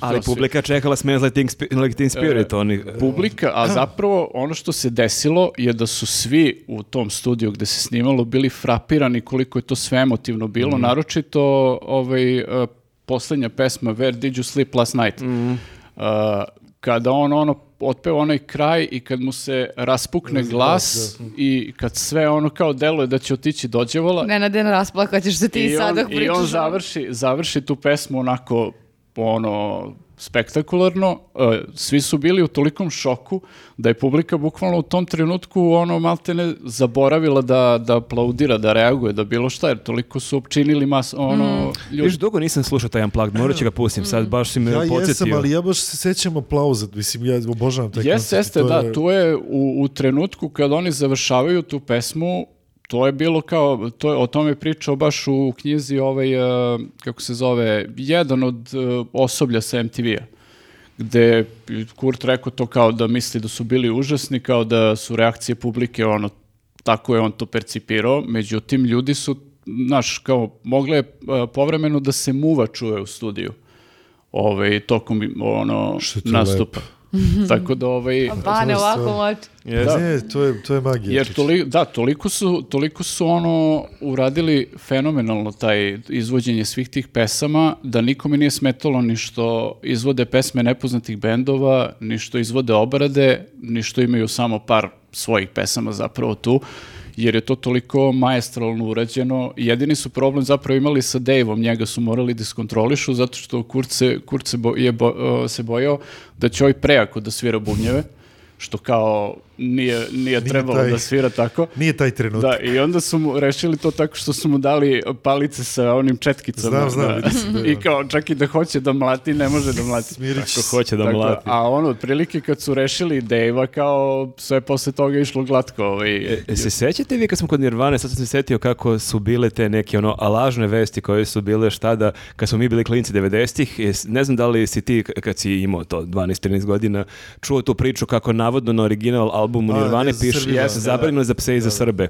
To je, to je bio takav jedan mit Jeste. koji ja mislim da i dan danas neko veruje u to, Ima, jer je njihov da. basista poreklom Hrvat. Jeste, da, ima ali to nema, ja mislim to ne postoji. Ja Ne, ne, ne, to je lažna, to, to je lažna vest, ali ja mislim da i dan danas ljudi veruju u Ali to. toliko se to, uh, ja, znači u Užicu mom, gde sam ja tad živeo, znači kao Nirvana se to peva, i onda je valjda toliko je odjek bio te Nirvane, da je neko morao sad i čuo da je ovaj Hrvat i sad Pa mi čim moramo, su mi čuli da je on Hrvat, odmah I mora odmah kao da se... zabranjeno da. za pse i za Srbe i kao šta, i moraš da mrziš Nirvanu za što Da, da, ti gledaš kaseti, ali nema, ne, ne, ovo je bugarska, ovo je pirat, ali Da, da. original kaseti, da kupiš u Americi, to piše. ti u Floridi, moj ortak mi je poslao. Ortak iz Da, Majamija da, da, kupio, znači totalno je to.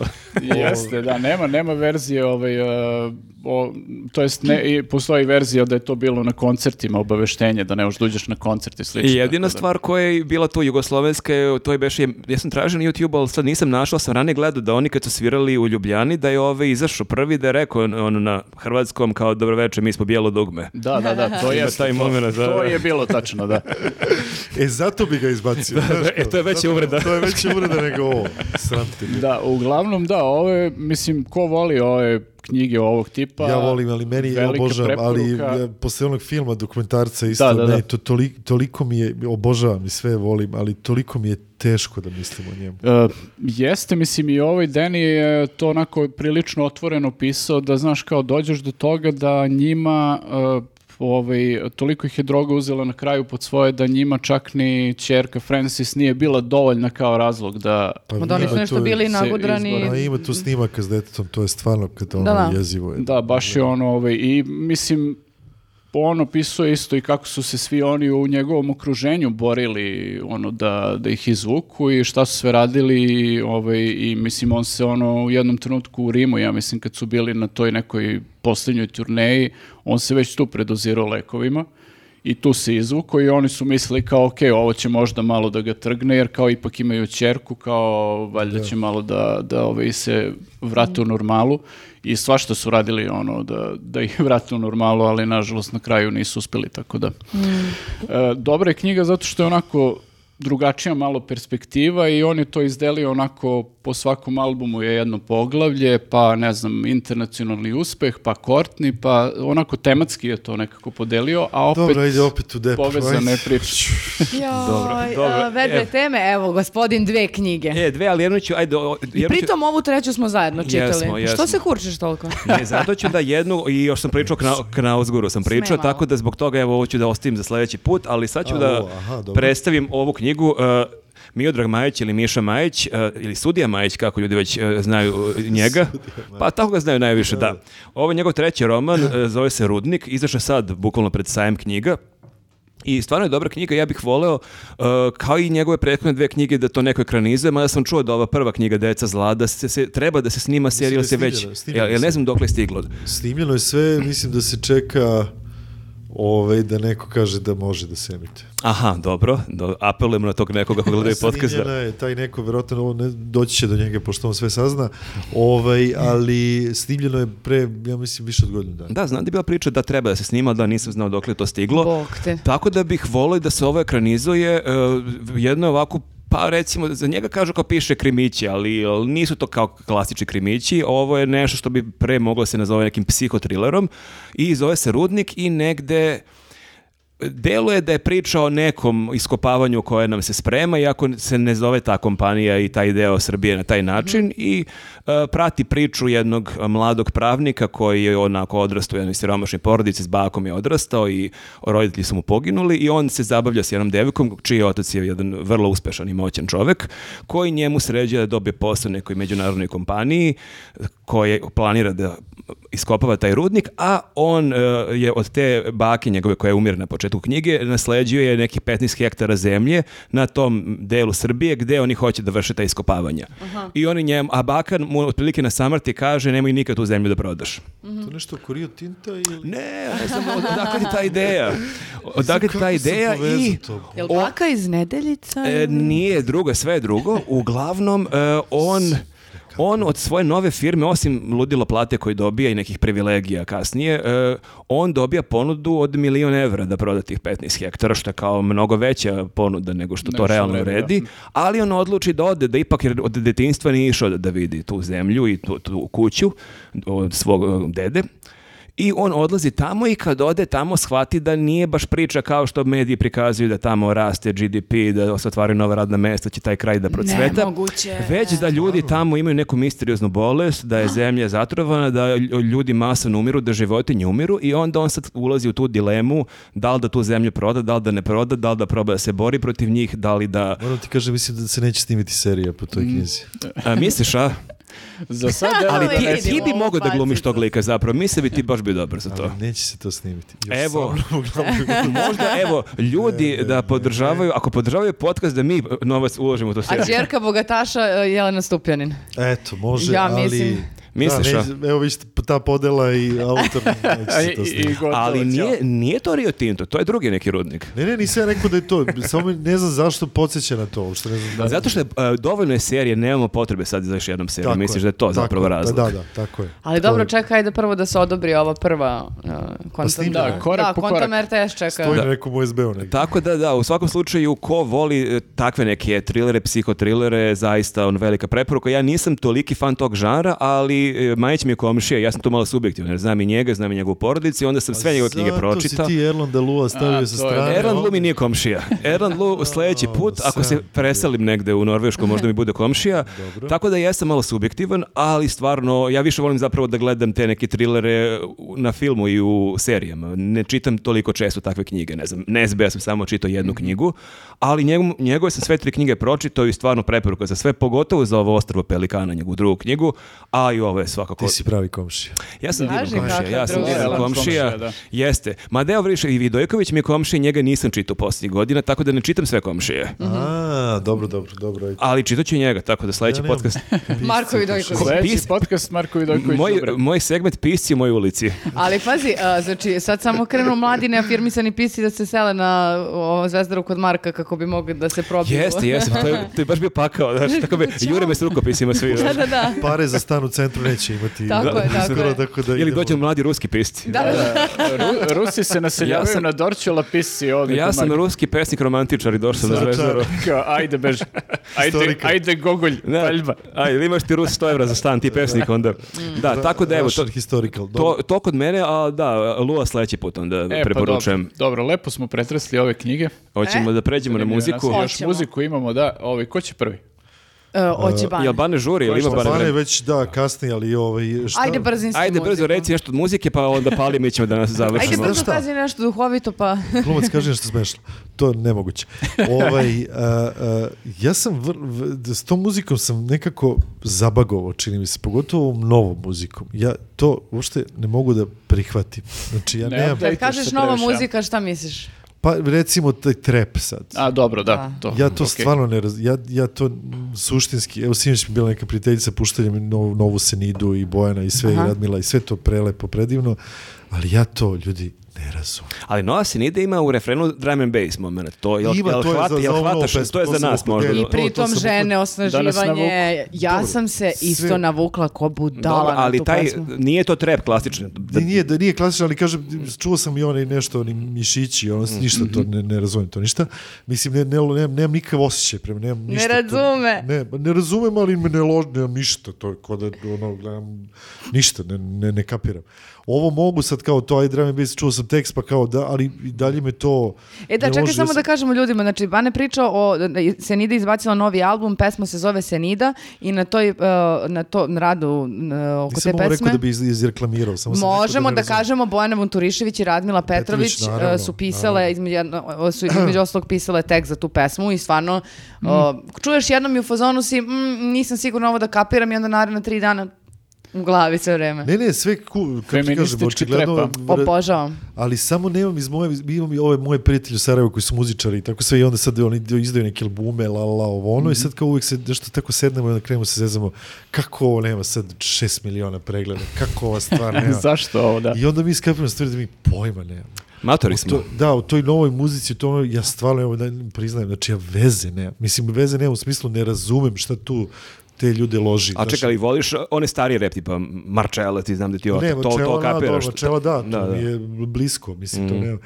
Ali ti kažem sad ovo novo, taj novi, znači ja to, ne, meni Ja sam to... se tako osjećala kad sam bila na, na Arsenal Festu, slušali smo Crni cerak.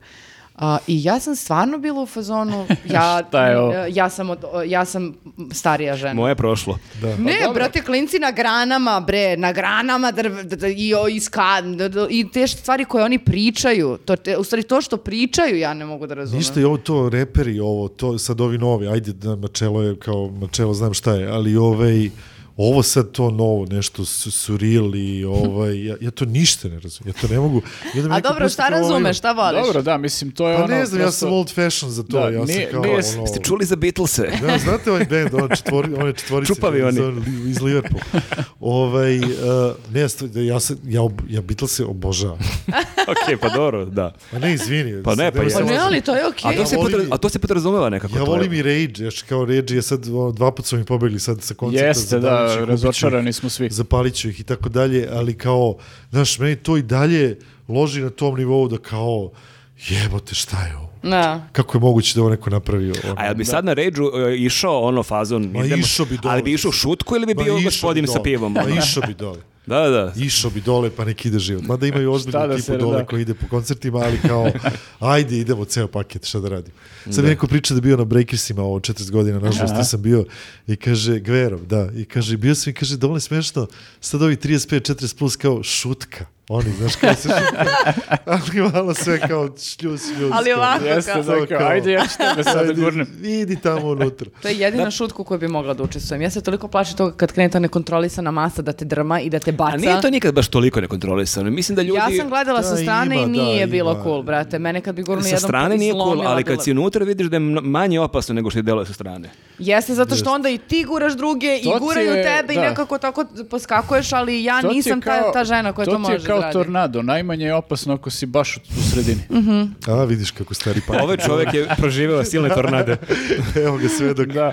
A, Svedok saradnik. a šta je, si slušao nešto što je Ile kasno, nedavno izašlo da ti je okej? Ne mora, ne mora trap, ne može rock, A reggae. ne znam, sad ti kažem cave kao, ali to ne možemo, Pa to sad smatramo da je nešto Pa ne, novo. dobro, da nije, ne mora nužno bude jako novo. I- Ali ja sam nekako, ja imam tu e, vernost prema bendovima koji su uticali na mene. Mhm, Znaš, tipa ono od Johnnyja Štulića, pa sad ne znam, Dine Šarana, Leto Štuke i to Mhm. kao, ja, ja, ja sam nekako veran. To, ja nešto imam, ne znam zašto, valjda, to, valjda ja pamtim emotivno trenutak kad sam neku pesmu skapirao. Ima toga, da, to da. je onda, To je jako meni sad kao moment. taj trenutak u mom životu je ta i ta pesma. Ja uloge pravim po pesmama. Znaš, Mhm. ja imam taj, i uvek su to te pesme neke, ovaj, prepotopske, ali ovaj, i onda mi je to nekako tako vezujem, znaš, ja, te- te- i tako mi onda od Beatlesa, Stonesa, ne znam, Cepelina, pa ne znam, Rage-a, Peppersa, Nirvane, do Šarana i ne znam... Si volao Ganse, nemoj me razočaraš. Nisam, brate. Uj, jebe. Ja mislim da će naš kolega Darko slušao sam, Ko je Crnogorac da ovde? E, Ne, slušao sam, ali nisam nikad bio kao... Nemaš saveznike nikad- ovde. Da, da, nije. sam sam u ovome. Zato što ono kao November Rain i kao, Ne, ne, November Rain, to- Da, ono, ajde prvi album, da. I Ne, to, to, to, okej, to, ja i pričam o prvom albumu. Na Da, November. Gansi su sad izbacili, kad smo ih pomenuli, novu, novu verziju ovaj, baš November Rain sa ovim, kako se zove, trap orkestrom. Ne, Aha. sa orkestrom. baš da. Super, zaboravih gde si stao, što bi rekao moj kolega. Važi, Ne, ja moram da kažem, meni je tu jedini zanimljiv moment š- e, zbog čega sam kao pustio pesmu uopšte da vidim šta se dešava, je što je produkciju radio Steven Wilson. Steven Wilson je verovatno ne znate, ali to je e, Britanac koji ima band uh, Porcupine Tree. I to je jako, ono, da kažem, bitan i velik... Sasvim izvesno ne progresiv- znamo. Progresiv rock Čovjek koga ne treba posebno predstavljati. Da, ovaj, Svi znamo ovo za... uglavnom, e, zanemarite ove e, neznalice, ovaj, ono sedam eksplodiranih mozgova Da, tokom slušanja ovog dela. A, ko, ko je slušao band, zna o čemu pričam, ko nije, neka ih presluša, stvarno su Oba lika su fazonu, o da, kao, evo ga, vrate. srodna duša. Uglavnom, a, bilo mi je jako bizarno što se on pojavljuje u toj priči. On je inače e, producent e, za dosta bendova i jako dobro radi taj produkcijski posao, ali nisam, ih, nisam ga uopšte vidio u kontekstu Gansa ni na koji način i onda kao samo sam zbog toga pustio pesmu da vidim na što liči. I? Pa ništa Gansi, mislim, Guns, ono, sa, sa orkestrom. Da. Ovaj, e, tako da da, što se Gansa tiče toliko, ovaj, izvinjavam se našem kolegi Darku Crnogorca. Da, već smo, i- već smo izvređali Pepperse u prošlom pod, Jesmo, podcastu i on je reagovao, sad ovo A je već... Darko je naš kolega stvarno mnogo voli Pepperse. Ništa nismo teo da uvredimo, samo smo bili u fazonu šta god. Ne možeš da vređaš Peppersa, oni isto imaju kao... On je od lepa. Ne, Pa ja, ne, sam, nismo ih ja sam rekao da ja posle Indije ne mogu da im pružim šansu i oni za mene više ne postoje, Ali što nisu- kapiram da nisu samo oni krivi, da, shvatam, organizacija, nevreme. Ali kak je oni vezimo s kišom i sa glub... I Meni više Ja- boli onaj nastup koji je bio kod da su u studiju. Pa i nastup da. je bio meni ništa posebno, oni su još otišli na pola i kao baš nekako... Opet pljujemo Nećemo, Pepperse. e, za- Nije ni pljuvanje Pepa, to je istina. Mislim, Pa jest, Kažu da. ljudi koji su gledali negdje drugde da je bilo drugačije, ali kao stvarno to Inđiji je bilo kao... Mada ih je naš kolega. Darko gle- gledao sad nedavno u Budimpešti beše i da i- kaže da isto nisu bili nešto epohalni. E, Ali nema, on ih i dalje nema- voli. Da, nema sreće sa A njihovim možda su nastupima. amatorili, možda više ne mogu tu energiju da imaju. Nikako da ubode ovaj neki dobar nastup. A oni Što baš... sportisti jedu, ovaj, vegani su Jeste, da. i izgubilo se malo. Da, nije sve. to to. Da, ubih, ali- zdra- ubih zdrav život. Da. ali okej, da pređemo na dobre bendove. Uh, ovaj, Marko i ja smo hteli da pomenemo jedan bend koji u posljednjih, ono, ne znam koliko već se ložimo obojica, uh, koji se zove King Gizzard and the Lizard Wizard. Uh, Jel znaš za taj bend to je, možda? To je australijski Da, da. Znači, mozak mu je eksplodirao Koji ti njihov ovako omiljeni album? Ovako je gledao Nenada. V- Da, prvi album je dosta... prvi dosta- album je drugi, dosta- drugi onako, a treći je baš malo- da. Tražili su se na drugom. Jeste, e, ali oni su potpuni fenomen. E, da. dakle, ukratko, to je bend, e, australijski bend koji postoji od 2012. godine i oni su od 2012. do danas objavili Izdali ono nešto puno... 25 albuma. Ja znam, i E. slušao sam. E, E, Bravo, bre!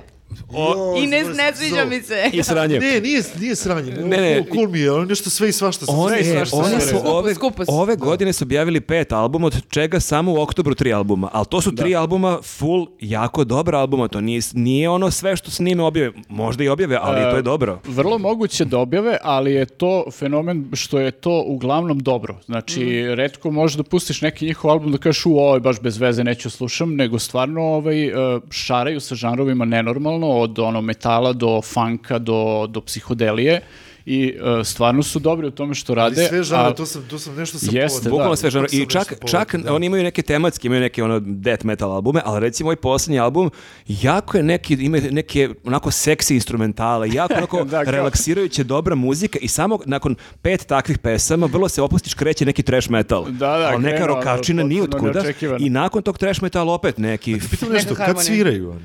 Da sviraju i koncerte? Imaju, E, imaju i koncerte, bili da. su u Evropi, mislim da ih i moj drugar gledaju na, da li na Sigetu, mislim dolaze oni, ja ne znam kako oni odluče koji će žanr da sviraju, pošto Da, oni mešaju od nekog garažnog roka do metala, do ne Jeste, znam. da, ali oni su o, se kao klinci ono skontali još u školi, jer oni sad imaju tipa nešto po 21, dve godine recimo. Ne, nije, nije više, ja mislim da, ne, 21 sad, sad imaju 30 2014. Nisu baš u 14. Mislim da imaju sad 30 da su počeli u, kao Moguće, tinejdžeri. da, ali jako rano su počeli, to je, to je suština, ovaj, i evo sad već imaju gomilu albuma i e, izgleda da tu postoji neka ta hemija zato što su tako od klinačkih se dana počeli zajedno da sviraju. verovatno. I da, to je moment kod njih koji je jako bitan. Oni stvarno kad gledaš i žive nastupe i te neke ono studijske ono snimke i sve to, vidiš da stvarno uživaju u tome. Pa to je suština, I to to je, to je ono, budalaštine. mislim, najvažniji Meni je moment. ludilo kad si ti čitao, baš smo išli u Valjevo, pa si čitao u kolima e, članovi benda, šta ko radi u bendu. I kao ovaj lik tipa peva, svira gitaru, violončelo, harfu, Svi su- svi su e, da, trubu, mol- znači Mali sv- princ. svako svira Da, po da. 20 instrumenta. Svi su multi-instrumentalisti. Jeste da, ono. i stvarno ne postoji maltene žanr koji oni, e, kojim se ne bave, a to stvarno rade dobro, tako da evo, idite na Spotify ili gde Deezer, znači samo ova tri albuma iz oktobra, barem to bacite pogled, pa... Samo ovo tri albuma Samo makar. Ne, ne, sumalo da zvuči, a pritom da, da. album ima po 10-12 pesama, znači baš ono... Meni su pustili kad smo išli u Valjevo i stvarno sam se isto oduševila zato što to što priča ko ide nešto lagano, lagano, lagano, ali čak i ovo što je agresivno, što a priori nije moj Da, stil, nije meni nije na smetalo način, i da. kao bilo sam u fazonu, wow, meni je ovo super. Ovaj, Dobro, ajde. E, tako da pružim šansu. Nisu kao Beatlesi, ali pružim šansu. Jeste, a meni je jako zabavno pošto gledam sad je kraj godine i kao uvek gledam te godišnje liste ko šta objavljuješ najbolji pa, ono albumi godine i super mi je što se kao nalaze na a, a ono najboljim listama pop albuma i na najboljim listama metal albuma ono tako da to sve govori Oni o su sve pokrili. o rasponu, znači, da. e, band se zove King Gizzard and the Lizard Wizard. Jel sam Tako dobro je, da. pogodio? Da. trebalo mi neko vreme da naučim kako se zovu. Se Možeš to- brzalicu. E, mogu, ali ne sad. Možeš, ne sad. Jeste, da, tako da eto, ako ne slušate, ono, preporučujemo da preslušate, a ako slušate, ono, napišite koji album volite, napišite neke utiske i... Pišite tamo nešto u komentarima, Pišite napišite nešto. Mislim. volimo da pročitamo komentare, da. Da, da. A, dobro, hoćeš ti ili ja? Možeš ti, ajde. Ajde, ja sam... uh, Samo kažem ti, Bane, stvarno ako ideš, ako žuriš, nemoj Ja ti idem bude glupo. stvarno, ja ne, stvarno aj idem. stvarno, nemoj ti a bude mene glupo. da ne čuješ šta ja pričam. Ma, do, pošalji mu mail. Preslušat će A mogu da podcast. gledam. Da slušam Nećeš gledati, šalim se, hoćeš naravno. Ali Ja pa... volim to u kolima nekad i onda kad, znaš, e, tako da hoću. Ništa, hvala, hvala ti moram puno što si. Čuvali ste Pa mi- dobro, imali smo gosta skoro 90% podcasta, to je super. Ne, više. Tra, Bane traži izmenu sada, za ostano vreme. E, e, nadam se ti je bilo okej. ono. Jeste, bilo mi divno, majke mi, ali sad stvarno moram da idem, idem iz WC. Znači, imam dva Važi. pakla ono, i niste mi dali da pušim. Uh, treći Ni meni da, ne da. daju, tako Znam, da ono. E, dobro. I nastavljamo bez Baneta. Bez baneta, a inače sve vreme snimamo, to sam zaboravila da kažem na početku, jako sam tužna, snimamo bez telefona. Nisam mogla da kažem halo policija kad me zezate, mada ste bili, Nismo te ponašali zezali. se. A, Nismo te dobro, zezali. nije. Ali zato, evo, u fotofinišu, da Dobil- zablistate. Dobila je svojih 15 minuta. Jeste, jeste. E, ali super je Bane, stvarno, baš onako. Kao, Baš kao da s njim svaki drugi dan pričamo o ovim stvarima. Jeste, fin momak. Da. Da nam svaki sledeći gost, mislim, e, plan je da i na, u nekim narednim, e, nadamo se Viktor će sledeći da se vrati, ali onda možda tamo od sledeće godine imamo još nekog Da, gosta. bit će još gostiju, to je Ne, ne, ne uvek, ali povremeno da. će biti Da, neki da, da. gost i je. Bane postavio visoke standarde. Jeste, jeste, moramo da priznamo. Isto, e, pa ima da šaljemo ovaj, ovaj pod- podcast i da govorimo isto ovako. Budi barem 80% Da, da. Baneta. A šta si ti slušala zanimljivo u posljednje E, vreme? ja sam uh, uh, na, ja sam inače na Deezeru, nisam na Spotify jer sam skinula Deezer još pre kad je izašao, kad Spotify još uvijek nije bio ovdje, tako da sam se nekako tu i zadržala. I jednog dana sam slušala Svemirka, jer ja inače volim Svemirka, a vi se samo nastavite da ćutite i nemojte da komentarišete. A, čekaj, čekaj, ja sam bio na koncertu Svemirka, m, stajao sam bukvalno pored tebe. to je tačno. Pevao sam neke pesme. Doduše nisam kao, e, to je bilo, meni potpuno to bilo ludilo, to je bilo pre korone Aha. I bio je koncert u Drugstoru. Ja sam Bili zaista, e, ja sam mislio da će biti fazon 100-200 ljudi, jer ja sam otkrio njih, Šobaja mi je preporučio band Svemirko i to je band vrto sa najglupljim imenom. Oni i Nežni Dalibor su dva benda sa najglupljim nazivima, ako mene pitate.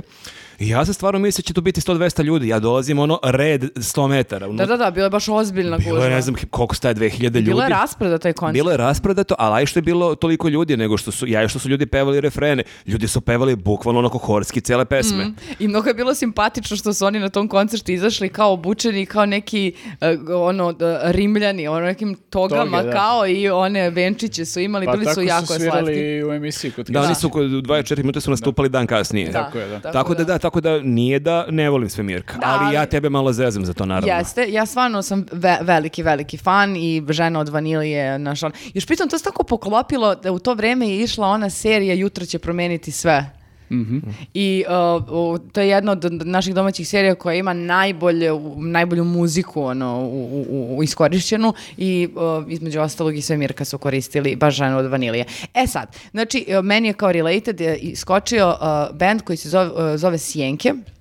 To je neki crnogorski band a, e, i nekako su tako nežni i divni. A Inače, o- oni objavljuju pod tim labelom više manje zauvijek. Ko, i kontam da je Svemirkov um, a, kao kanal. Znači Svemirko drži monopol na, na tim nekim sentišima iz 80-ih. Jeste. I meni se jako sviđa taj ceo vibe i nekako mi je prijatno. A, e, uvek, a, I sad, a, kao kad sam slušala Sjenke, imaju par, a, par super pesama. Meni je jedno od omiljenih Gledam nebo. a, ali onda o- idemo da korak dalje, zašto se zaustaviti tu. A, otkrila sam malo bolje a, Fantoma. Fantom je inače a, da, objavio neku pesmu Bebo Pazi i ja sam naravno bila u fazonu, Ja, pa da. moja pesma. A, Kako zato- da ne Pa preslušamo zato što ide Bebo Pazi, ovaj tip je možda prejak za tebe. Ja sam Čekajte, baš, pe- baš pesma tebi, bukvalno. Pa sam u fazonu, pa druže, hvala ti što me upozoravaš, čoveče, samo ja nikako to upozorenje da uzmem u obzir, nego poginem ko Manchester svaki put. A, ali onda... Poginem ko Manchester. Da, to je isto izraz koji se Jest. Uh, jer Pa, onaj da, ceo... Nije baš najsrećnija referenca, ali da. Dobro. E, e, i uh, uh, ima je onu, Phantom ima onu pesmu Žena, ako se sećaš isto. Da, to je u vreme karantine se pojavila ta pesma i ta pesma meni je genijalna, potpuno. I Ja. mislim da smo mi čak htjeli da ih dovedemo u emisiju, ali da su u tom momentu imali samo tu pesmu i da ne znam, mislim da nisu ni mogli da nešto uživo izvedu. E, sad imaju više pesama i stvarno su super, meni je izvan vremena i to disco verzija genijalština. Tako da a, ovih Da, dana... znači kažemo da ljudima čisto da objasnimo, znači uh, ako nisu shvatili ko voli Svemirka, ali to je, kako bi ti to pisalo, to je neki retro, to su- jesu neke Sint neki, Kao da. synth, synth pop, uh, 80. Da. neki. Da, ali meni se stvarno jako sviđa, ne- ima da se- i da se džuska, ima malo i da se kmeči, meni je to sve super. Znači, ja baš volim. Onda džuska, ono da Da, kmeči. Muzika za da, kmečanje. Da, da, i baš iskreno ako uh, gleda neko ko zna lika ko uh, je u Fantomu ili u Sjenkama, uh, apelujte, molim vas da naprave neki koncert jer ja baš jedva čekam da idem to da čujem, stvarno, jer mi je super i onako, uh, uh, ra- razli- u stvari razlikuju se u odnosu na ostale bendove koje, koje imamo. Treba, bre, možeš ti da e, izlobiraš, ako znaš nekog ko organizuje koncert i festivale, da napravite neki festival, ono volimo 80 da bude uh, Fantom, uh, Sjenke i, I- Svemirko. i Svemirko. I zamisli to sve to, to sve to trojstvo. Odle- ja kad bi imala, ja kad bi pravila svadbu, znači, uh, ja bi volila da to bude jedan mali festival. uh, uh, Synth popa. Zamišljam svadbu, ono, ženu od vanilije, kao dobro, braj, sad daj nešto Ti ćeš konkretno. prvi da džuskaš i da se... Ja ću da džuskam da i da, odlepiš. da plačem uz te emotivne stihove. A pazi, ako se kuma ne isprsi za sve... e, Evo, ne treba Goran Bregović, ali sve Mirko i naravno gde sve Mirko, tu Fantom i Sjenke, šta ima veze, malo da se pokažu. Biće tebi na svadbi kolce od vanilije. Jao. E, ali kad smo kod kolca od vanilije, nešto mi se čudno desilo. Znači, ja, uh, mislim, uh, Imam te neke guilty pleasure, malo pre Bane pomenuo, e, kad smo već kod knjige koja se zove za posjednutnost, ja sam se opsela, ali ne malo. Ja sam, to, e, ja sam e, tu pesmu Senida koju su pisale Radmila Petrović, jedna od mojih omiljenih pesnikinja i Bojana Vunturišević, a, i, e, znači čula sam je i bila sam pa možda nisam baš taj, taj deo gde je kao bio e, dubstep ili kako god to zvuči. Drum and bass. Drum and bass, a eto više ni ne znam. A, međutim, bukvalno posle sat vremena ja sam došla kući, ja sam pustila pesmu, ja sam 3-4 dana samo tu pesmu ljudi slušala. Da, Konstantno. ti umeš da se uhvatiš e, jednog albuma, ali još gore jedne pesme i ajde pesme. što sebe terorišeš, nego što nama umeš da Apsolutno. pustiš po devet puta tokom dana jednu pesmu. Znaš kako je moja sestra bila koja je živala sa mnom, znači ona je bukvalno devojka. davala mi je kvotu koliko smem i onda je rekla do- ne može više, a Prekoračila si. Jeste, a e, Viktoru je isto bilo jako teško zato što smo imali Maša i ja slične obsesijice za neke pesme i onda kod kuće samo sto sluša na repeater Maša pušta, onda kad kajemo na posao, kajem ja ovde, tako da e, jeste to ume da bude naporno za neko ko nije baš... Siroti ljudi. Imaš bre lepo slušalice i onda to staviš slušalice i slušaj svoje četiri zida šta hoćeš. Nije, nije, nekako ja bih volila svi Ti zajedno. da podeliš sa nama tu emociju. Da, ti znaš da Zamisli ja volim ja, svi zajedno. zamisli e, ja kad otkrijem neku dobru metalčugu pa sam fasciniran nekom pesmom pa da uzmem da puštam po ceo dan. Jel bi ti bilo prijatno, a? Ne, E, to ti pričamo. Vidiš. Ali dobro, eto, A mislim... jesi slušala što nešto osim ovog?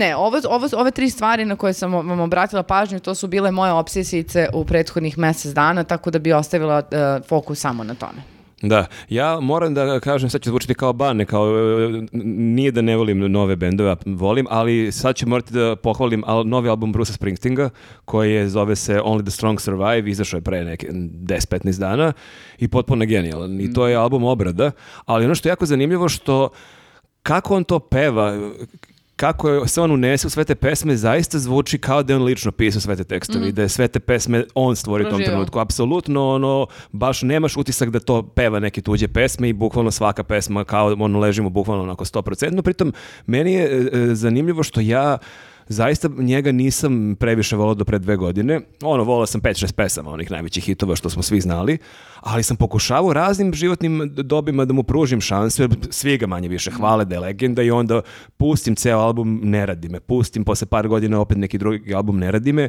i bukvalno pre dve godine sam ga ekstremno zavoleo i to potpuno slučajno zato što sam slušao jedan podcast, kod- Conan O'Brien vodi podcast i on je tu gostovao, a ja sam trčao tog dana i slušao sam njega kako priča i bio mi jako zabavan.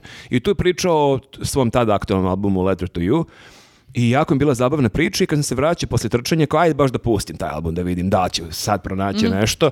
I odlepim na, na naslovnu numeru i naš neke numere, iako sam sad imao debatu s jednom prijateljicom koja kaže mu to otprilike najgori album, moguće da jeste, ali ja sam zahvaljujući tom albumu njega zavolio, onda sam krenuo ono, pročitao njegovu autobiografiju, sad sam ono kupio i kartu sledećeg leta, idem da ga slušam, tako da sam baš onako postao fan i ovaj album je baš, baš jako legao, tako da ono velika preporuka i ako ste poput mene pokušavali da ga slušate i ako vam nije legao, možda nije bio pravi trenutak. Tako sam recimo Bovija tek sa 30 otkrio u potpunosti, do tada ga nisam baš u potpunosti kapirao, a Brusa sam otkrio sa 40. Ja Brusa još nisam skonto. Ovaj, pitanje je da li ću, ovaj, pošto mislim sa nekim bendovima izvođačima sam prestao u nekom trenutku da se trudim, ali recimo mene je tako odradio Fleetwood Mac. Ono, U, da. a, isto kao mi to nije bila muzika koja mi je bila zanimljiva i pokušavao sam da slušam ranije kao i nikad mi se nešto kao nije to preterano ono svidelo. I ovaj, ali u nekom ono kasnijem periodu samo u nekom trenutku je kliknulo i kao Mm. to je to, ovaj, ok, sad, sad mi je ovo leglo baš kako treba, tako Meni da. je, em, Pogotovo mi je, ono, izvini, o, e, zabavno mi je kod njih to što imaju onako o, gigantsku diskografiju, Mhm. jer pos- postojali Vidiš, su, ja im ono, nisam pružio pravu šansu, morat ću. milijardu Ni- godina moraš. su ono kao aktivni i kao baš imaš dosta toga da, Mm. da otkrivaš i razne faze u njihovom stvaralaštvu i sve što je ono baš meni dosta zanimljivo, tako da eto to mi Da, je ja sam ono, Bovi otkrio sa 30, oni Bruce su moji Springsteen. Bruce sa Springsteenga sa 40, a sa 50 će Boba Dylana, pošto s, s njim sam u toj, toj fazi kao što sam bio sa ovima, volim 4, 5, 6 pesama, Da, da, da. ali ne mogu više toga, tako da je možda to u nekom narodnom periodu neki plan. Meni je, uh, gledala sam ge- genijalnu seriju pre par godina, zove se Big Little Lies i uh, u toj seriji su isto, je isto genijalna muzika, znači onaj... um, Michael Kiwanuka. Kiwanuka, da, Mhm. on je tu ono dobio, mislim, e, tu je doživio ekspanziju, ali između ostalog. e, sam tako zavolela uh, Fleetwood Mac i uh, ono na, na jednu najpoznatijih Dreams pesmu Mhm. uh, i kasnije, to ti, ti kad kreneš da slušaš, ti bukvalno si u fazonu, jebote ja znam ove, ove pesme, ali sad a, toliko, sam, toliko sam ih zavolala sam većinu ploča koje je moj otac imao od njih ukrala, zato što i kao donala kod sebe sam u fazonu, to mi je genijalština. Pritom, to je tako jedan uzbudljiv bend koji i po, e, vrlo podcijenjen, zato što je ogroman i mislim imali su baš turbulentan period gde su ono bukvalno na koksu svi bili, na koks svi bili navučeni, međusobno se spajali i razdvajali, na kraju su se raskantali, a, a jedan, e, on, mislim, on je glavni, The, The Chains, e, mislim da su snimili baš dok su svi bili onako poprilično. E, čak je ova Stevie Nicks, koja je kasnije imala i svoju, uh, uh, kako se zove, solo karijeru. Uh, i, uh, nešto sam čitala da je valjda imala bukvalno ugrađene metalne ovo ovde, ovde u nosu, zato što je spržila žena sve, ono, baš je, baš su išli jako. To je bio rock and roll. Uzbudljiva karijera sve To je- to je bio rock and roll. A sećaš se onog, uh, izvini što te prekinem sad samo još to da kažem, a pošto stvarno baš volim taj band, uh, sećaš se kad je postao viralan onaj snimak lika koji na skejtu vozi, Jeste, uh, da, to je- pije onaj crveni sok uh, u Kaliforniji, na primjer, i kao vozi Pa to ih je i malo sluša. ponovo vratilo u fokus Da. u posljednje vreme. Ali meni je super kako ove neke nove serije kako otkriju mlađim ljudima neke bendove tipa Kao kao, što je Kate Kate Bush. Bush što je eksplodirala pre nekoliko meseci. Koliko je super to kako ti otkriš bend koji tvoj ćali ima nekoliko albuma, ali je otkriš preko serije na HBO. Da, da. Pa jeste, pa i Metallica eksplodirala posle one scene sa isto i Stranger Thingsa Mhm. sa, sa ovaj... uh, sa, sa njihovom muzikom, tako da ima utjecaj Netflix prilično na... Pa jeste, ali uh, ja isto da, da, da, kažem ljudima da obrate pažnju, meni je moj drug uh, Kenny Berry, o kojem ćemo sigurno pričati u nekim narednim podcastima kad bude izbacio nešto pa da, da, da ga pohvalimo, uh, otkrio neki live uh, koji je Stevie Nicks snimila, pesma se zove Silver Springs. I ta izvedba i taj odnos koji ona ima sa ovim basistom ili, ko- mislim ne znam svira bas ili što, koju gitaru, kako ona njega gleda, kako bukvalno onako urokljivo o, o, mu se sveti na sceni, to je genijalno, znači a, pogledajte Evo, evo i, Steve- meni, i sad si mene zainteresovala. Stevie Nicks Silver Springs E, uh, e, live. spomenuo bih uh, band koji jako volim, uh, Tina Riven uh, je objavio novi album, ne znam da ste njih slušali. Nisam. Da, da, ja jesam. Oni su jako zanimljivi i to je band koji uh, oni se vode kao world music, što opet zvuči malo pretencijozno, kao ko sluša sad Mm, world music i slično, ali nemojte da vas to odbije.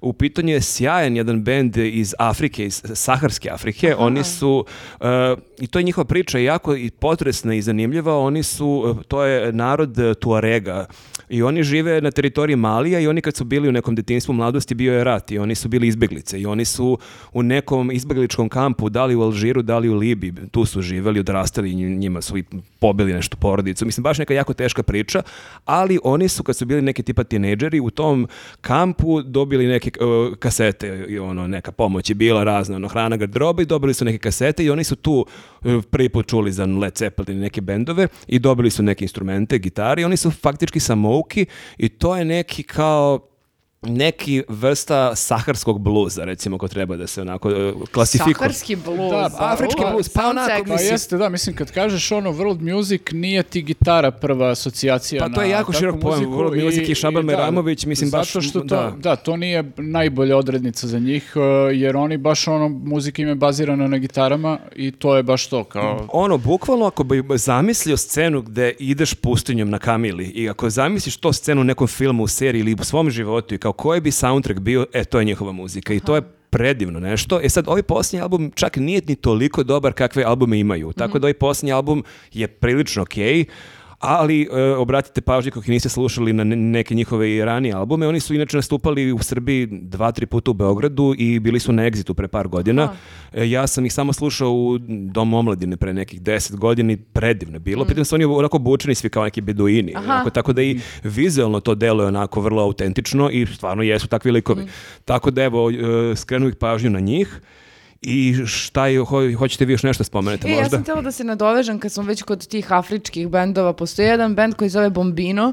uh, Da. E, pa ovo je slično, Da. ovo je taj Da. neki Ja vibe. njih to je jako slično. volim, e, a otkrila sam ih tako što sam pri- pričala s nekim ortakom da kao jako volim Black Keys i on je bio u fazonu slušaju ovo zato što Dan Auerbach koji je jedan od članova e, blenda, benda Be- Black Keys ima bukvalno po svetu ne znam koliko bendova e, u kojima je sam, a u, u- deo njih ili radi kao producent. I zapravo ti kad malo onda obratiš pažnju, ti čuješ u tim gitarama i, i malo to- tog Black Keys, e, Black Keys Mhm. toga momenta. bluza njihovog. Da, i isto imaju, dolaze sa zaraćenog područja Mm. da bukvalno ono kao prelaze preko nekog e, zaraćenog dela da bi došli do studija, ono da snime i e, nisam ih ih ispra- ispratila u posljednjih par godina, imaju neke stare pesme koje su mi baš, e, baš genijalne, pritom na jeziku koji uopšte ne razumem, ali kao ima ona neka amididin ili amidini, nemam pojma kako zove, ti to sad pevaš, nemaš ni pojma što znači, ali nekako se ukačiš ko deca, ono kad Mm. e, imaju, jednostavno užasno je melodično i gitare su genijalne, tako da eto. Da, da, kad si ti, ja sam njih otkrio preko tebe, mislim ti si mi ih otkrila, ali kad si ih prvi put pustila u redakciji, baš sam pomislio kao pa je ovo Tina Riven, vrlo slično zvuče, tako da evo, Jeste, jeste, ta dva benda onda slični, obratite pažnju u paketu. Da, to ide u paketu uvek, da. Jeste. E, Ne, mislim, ne znam, ja sam proteklih mjesec dana ono, ponekad dosta šaram, ali proteklih mjesec dana sam nešto baš slušao metal uglavnom. I ovaj, Koje iznenađenje? e, zamisli. Ništa, I- ja sam morao nešto da idem, a ti slobodno pričaj, evo upaljene su kamere. A, šta je sad ovo, ostavljate mi jedan po jedan ovde. Ovaj, e, slušao sam, vrteo sam mnogo Mešugu novu, e, to je, ovaj, mislim, reći ću, ko ne zna, švedski, sve švedski bend u pitanju postoje već ono 30 godina i o, dosta su inovirali metal i promenili su celu scenu. Čekaj, ono. njihov bubnjar je neki ono ludak koji radi stvari koje niko ne radi. I Tako je, mislim, on je ono, Thomas Hake se zove i prilično je lud lik za bubnjevima i ovaj, slušao sam taj novi album koji kao, ok, dobar je album i mislim, ono, bit će sigurno na listi najboljih za ovu godinu, ali nekako me on ono kao povuko da se ponovo vratim nekim starijim albumima. Nekim pravim I- vrednostima. Da, ovaj, i uh, zapravo uh, to je, to je prosto band koji ja mislim da, ga- da ih je najbolje Bill Burr ono, opisao kad je u nekoj emisiji gostovo gde je rekao otprilike nešto parafraziri- parafrazirat ću, uh, rekao je kao to je band na čijem koncertu tri čoveka mrdaju glavom u različitom ritmu i svi su u pravu. I ovaj, tako da vratio sam se na te neke pesme um, starije i na albume i zapravo uh, jako je zanimljivo ko nije slušao neka proba da posluša u prvi mah je ono kao malo nepristupačno i onako hermetički. Uh, ja sam ono, kad sam počeo da ih slušam, bio sam u fazonu koliko je on neprirodna muzika, kao da je se ono, ne znam, kao da vanzemaljci pokušavaju da naprave nešto što liči na muziku, ali ovaj, kad uđeš malo u, u prosto filozofiju, to je ono, ne, ne znam kako drugačije da nazovem taj bend, kad uđeš malo u njihovu filozofiju i način sviranja i sve ostalo, uh, zapravo shvatiš koliki su to ono, ne znam, nije, geniji mi je ono naj, najpribližniji izraz. Uh, Billboard je isto jednom prilikom pričao kako je bio na njihovom koncertu u Njujorku i onda je ovaj, uh, Nisam znala da Bill Burr voli metal. Uh, on voli Mešugu, ne znam sad za druge bendove koliko gotivi, ali njime je opčinjen bukvalno i Da, sad... i prepreko iza Bila Burra, ko ne znam, stand-up komičar, svaista, da. obratite Liči pažnju. na Marka, jel da? E, pa ja, ja ličim na njega jer sam mlađi, da. Imamo Možda. nešto, ali Ako- duhovitije moram da odmah kažem. Ako bi pustio on malo dužu bradu, ličio bi više na tebe. Da, da, da. Ti ćeš meni uvek biti bolji. Da, da, tako da obratite pažnju na njegove neke stand-up na E, da, Netflixu. je, jako je dobar inače kao u tome što radi, ali eto između ostalog ovaj, voli Mešugu i ovaj, e, priča često o njima u nekim podcastima, emisijama gde god i jednom prilikom je pričao za taj koncert u Njujorku e, gde kaže kao otišao sam na taj koncert i u jednom trenutku shvatim, pošto on inače, ne znam, ni to, ovaj, nije toliko poznato i on svira bubnjeve, ono kao nešto amaterski i to. I, ovaj, I zato je otišao na koncert i kao odem na koncert i shvatim da su tu na- svi ono najbolji bubnjari koje znam, ono bubnjar Tula je tu, neki jazz bubnjari u publici, Uh, tako da u suštini uh, Mešuga je fenomen zbog tog bubnjara između ostalog koji je potpuno ono nenormalan lik i koji zbog jedne pesme uh, sa nekog od prethodnih albuma je uh, promenio ceo svoj pristup sviranju. I onda imaju dokumentarci o tome kako je ono počeo da svira na potpuno Lik je način. malo obsesivan, a? Malo je opsedno, što Ok, bi rekla Jelisaveta, da. Za posednut. Ljudi, obsesije, obsesice su dobra stvar. One nas guraju da napredujemo kao ljudi. Jeste, Ili da, nazadujemo, da- ali kako uzmeš. Ovo, ovo je dosta napredo, ono, bukvalno je ono na nivou mašine sad, verovatno. Tako da, ovaj, eto, mislim, možete da, da slušate Mešugu ako niste. Dajte im šansu, jesu malo kao ekstremni kad čuješ prvi put ako nisi slušao, ali ovaj... A da, ali ipak treba imaš neko predznanje, ili možeš da tipa, ipak treba da imaš neko predznanje iz neke ono Metallica, Slayer i takvi bendovi, ili možeš ni otkuda da dođeš. Mogu ja, na primjer, da slušam? f- pa, znaš šta, ti si dosta osetljiva, tako da verujem da bi ti bilo problematično da sad odjednom gruneš ono blid od Ovo Mešuge, je na dru- drugi put za, dva, za 24 sata da sam čula ti si osjetljiva i za dve različite stvari. Prva je bila za utakmicu, a, a druga je bila za metal. Tako Pa, da, št- šta ti to govori?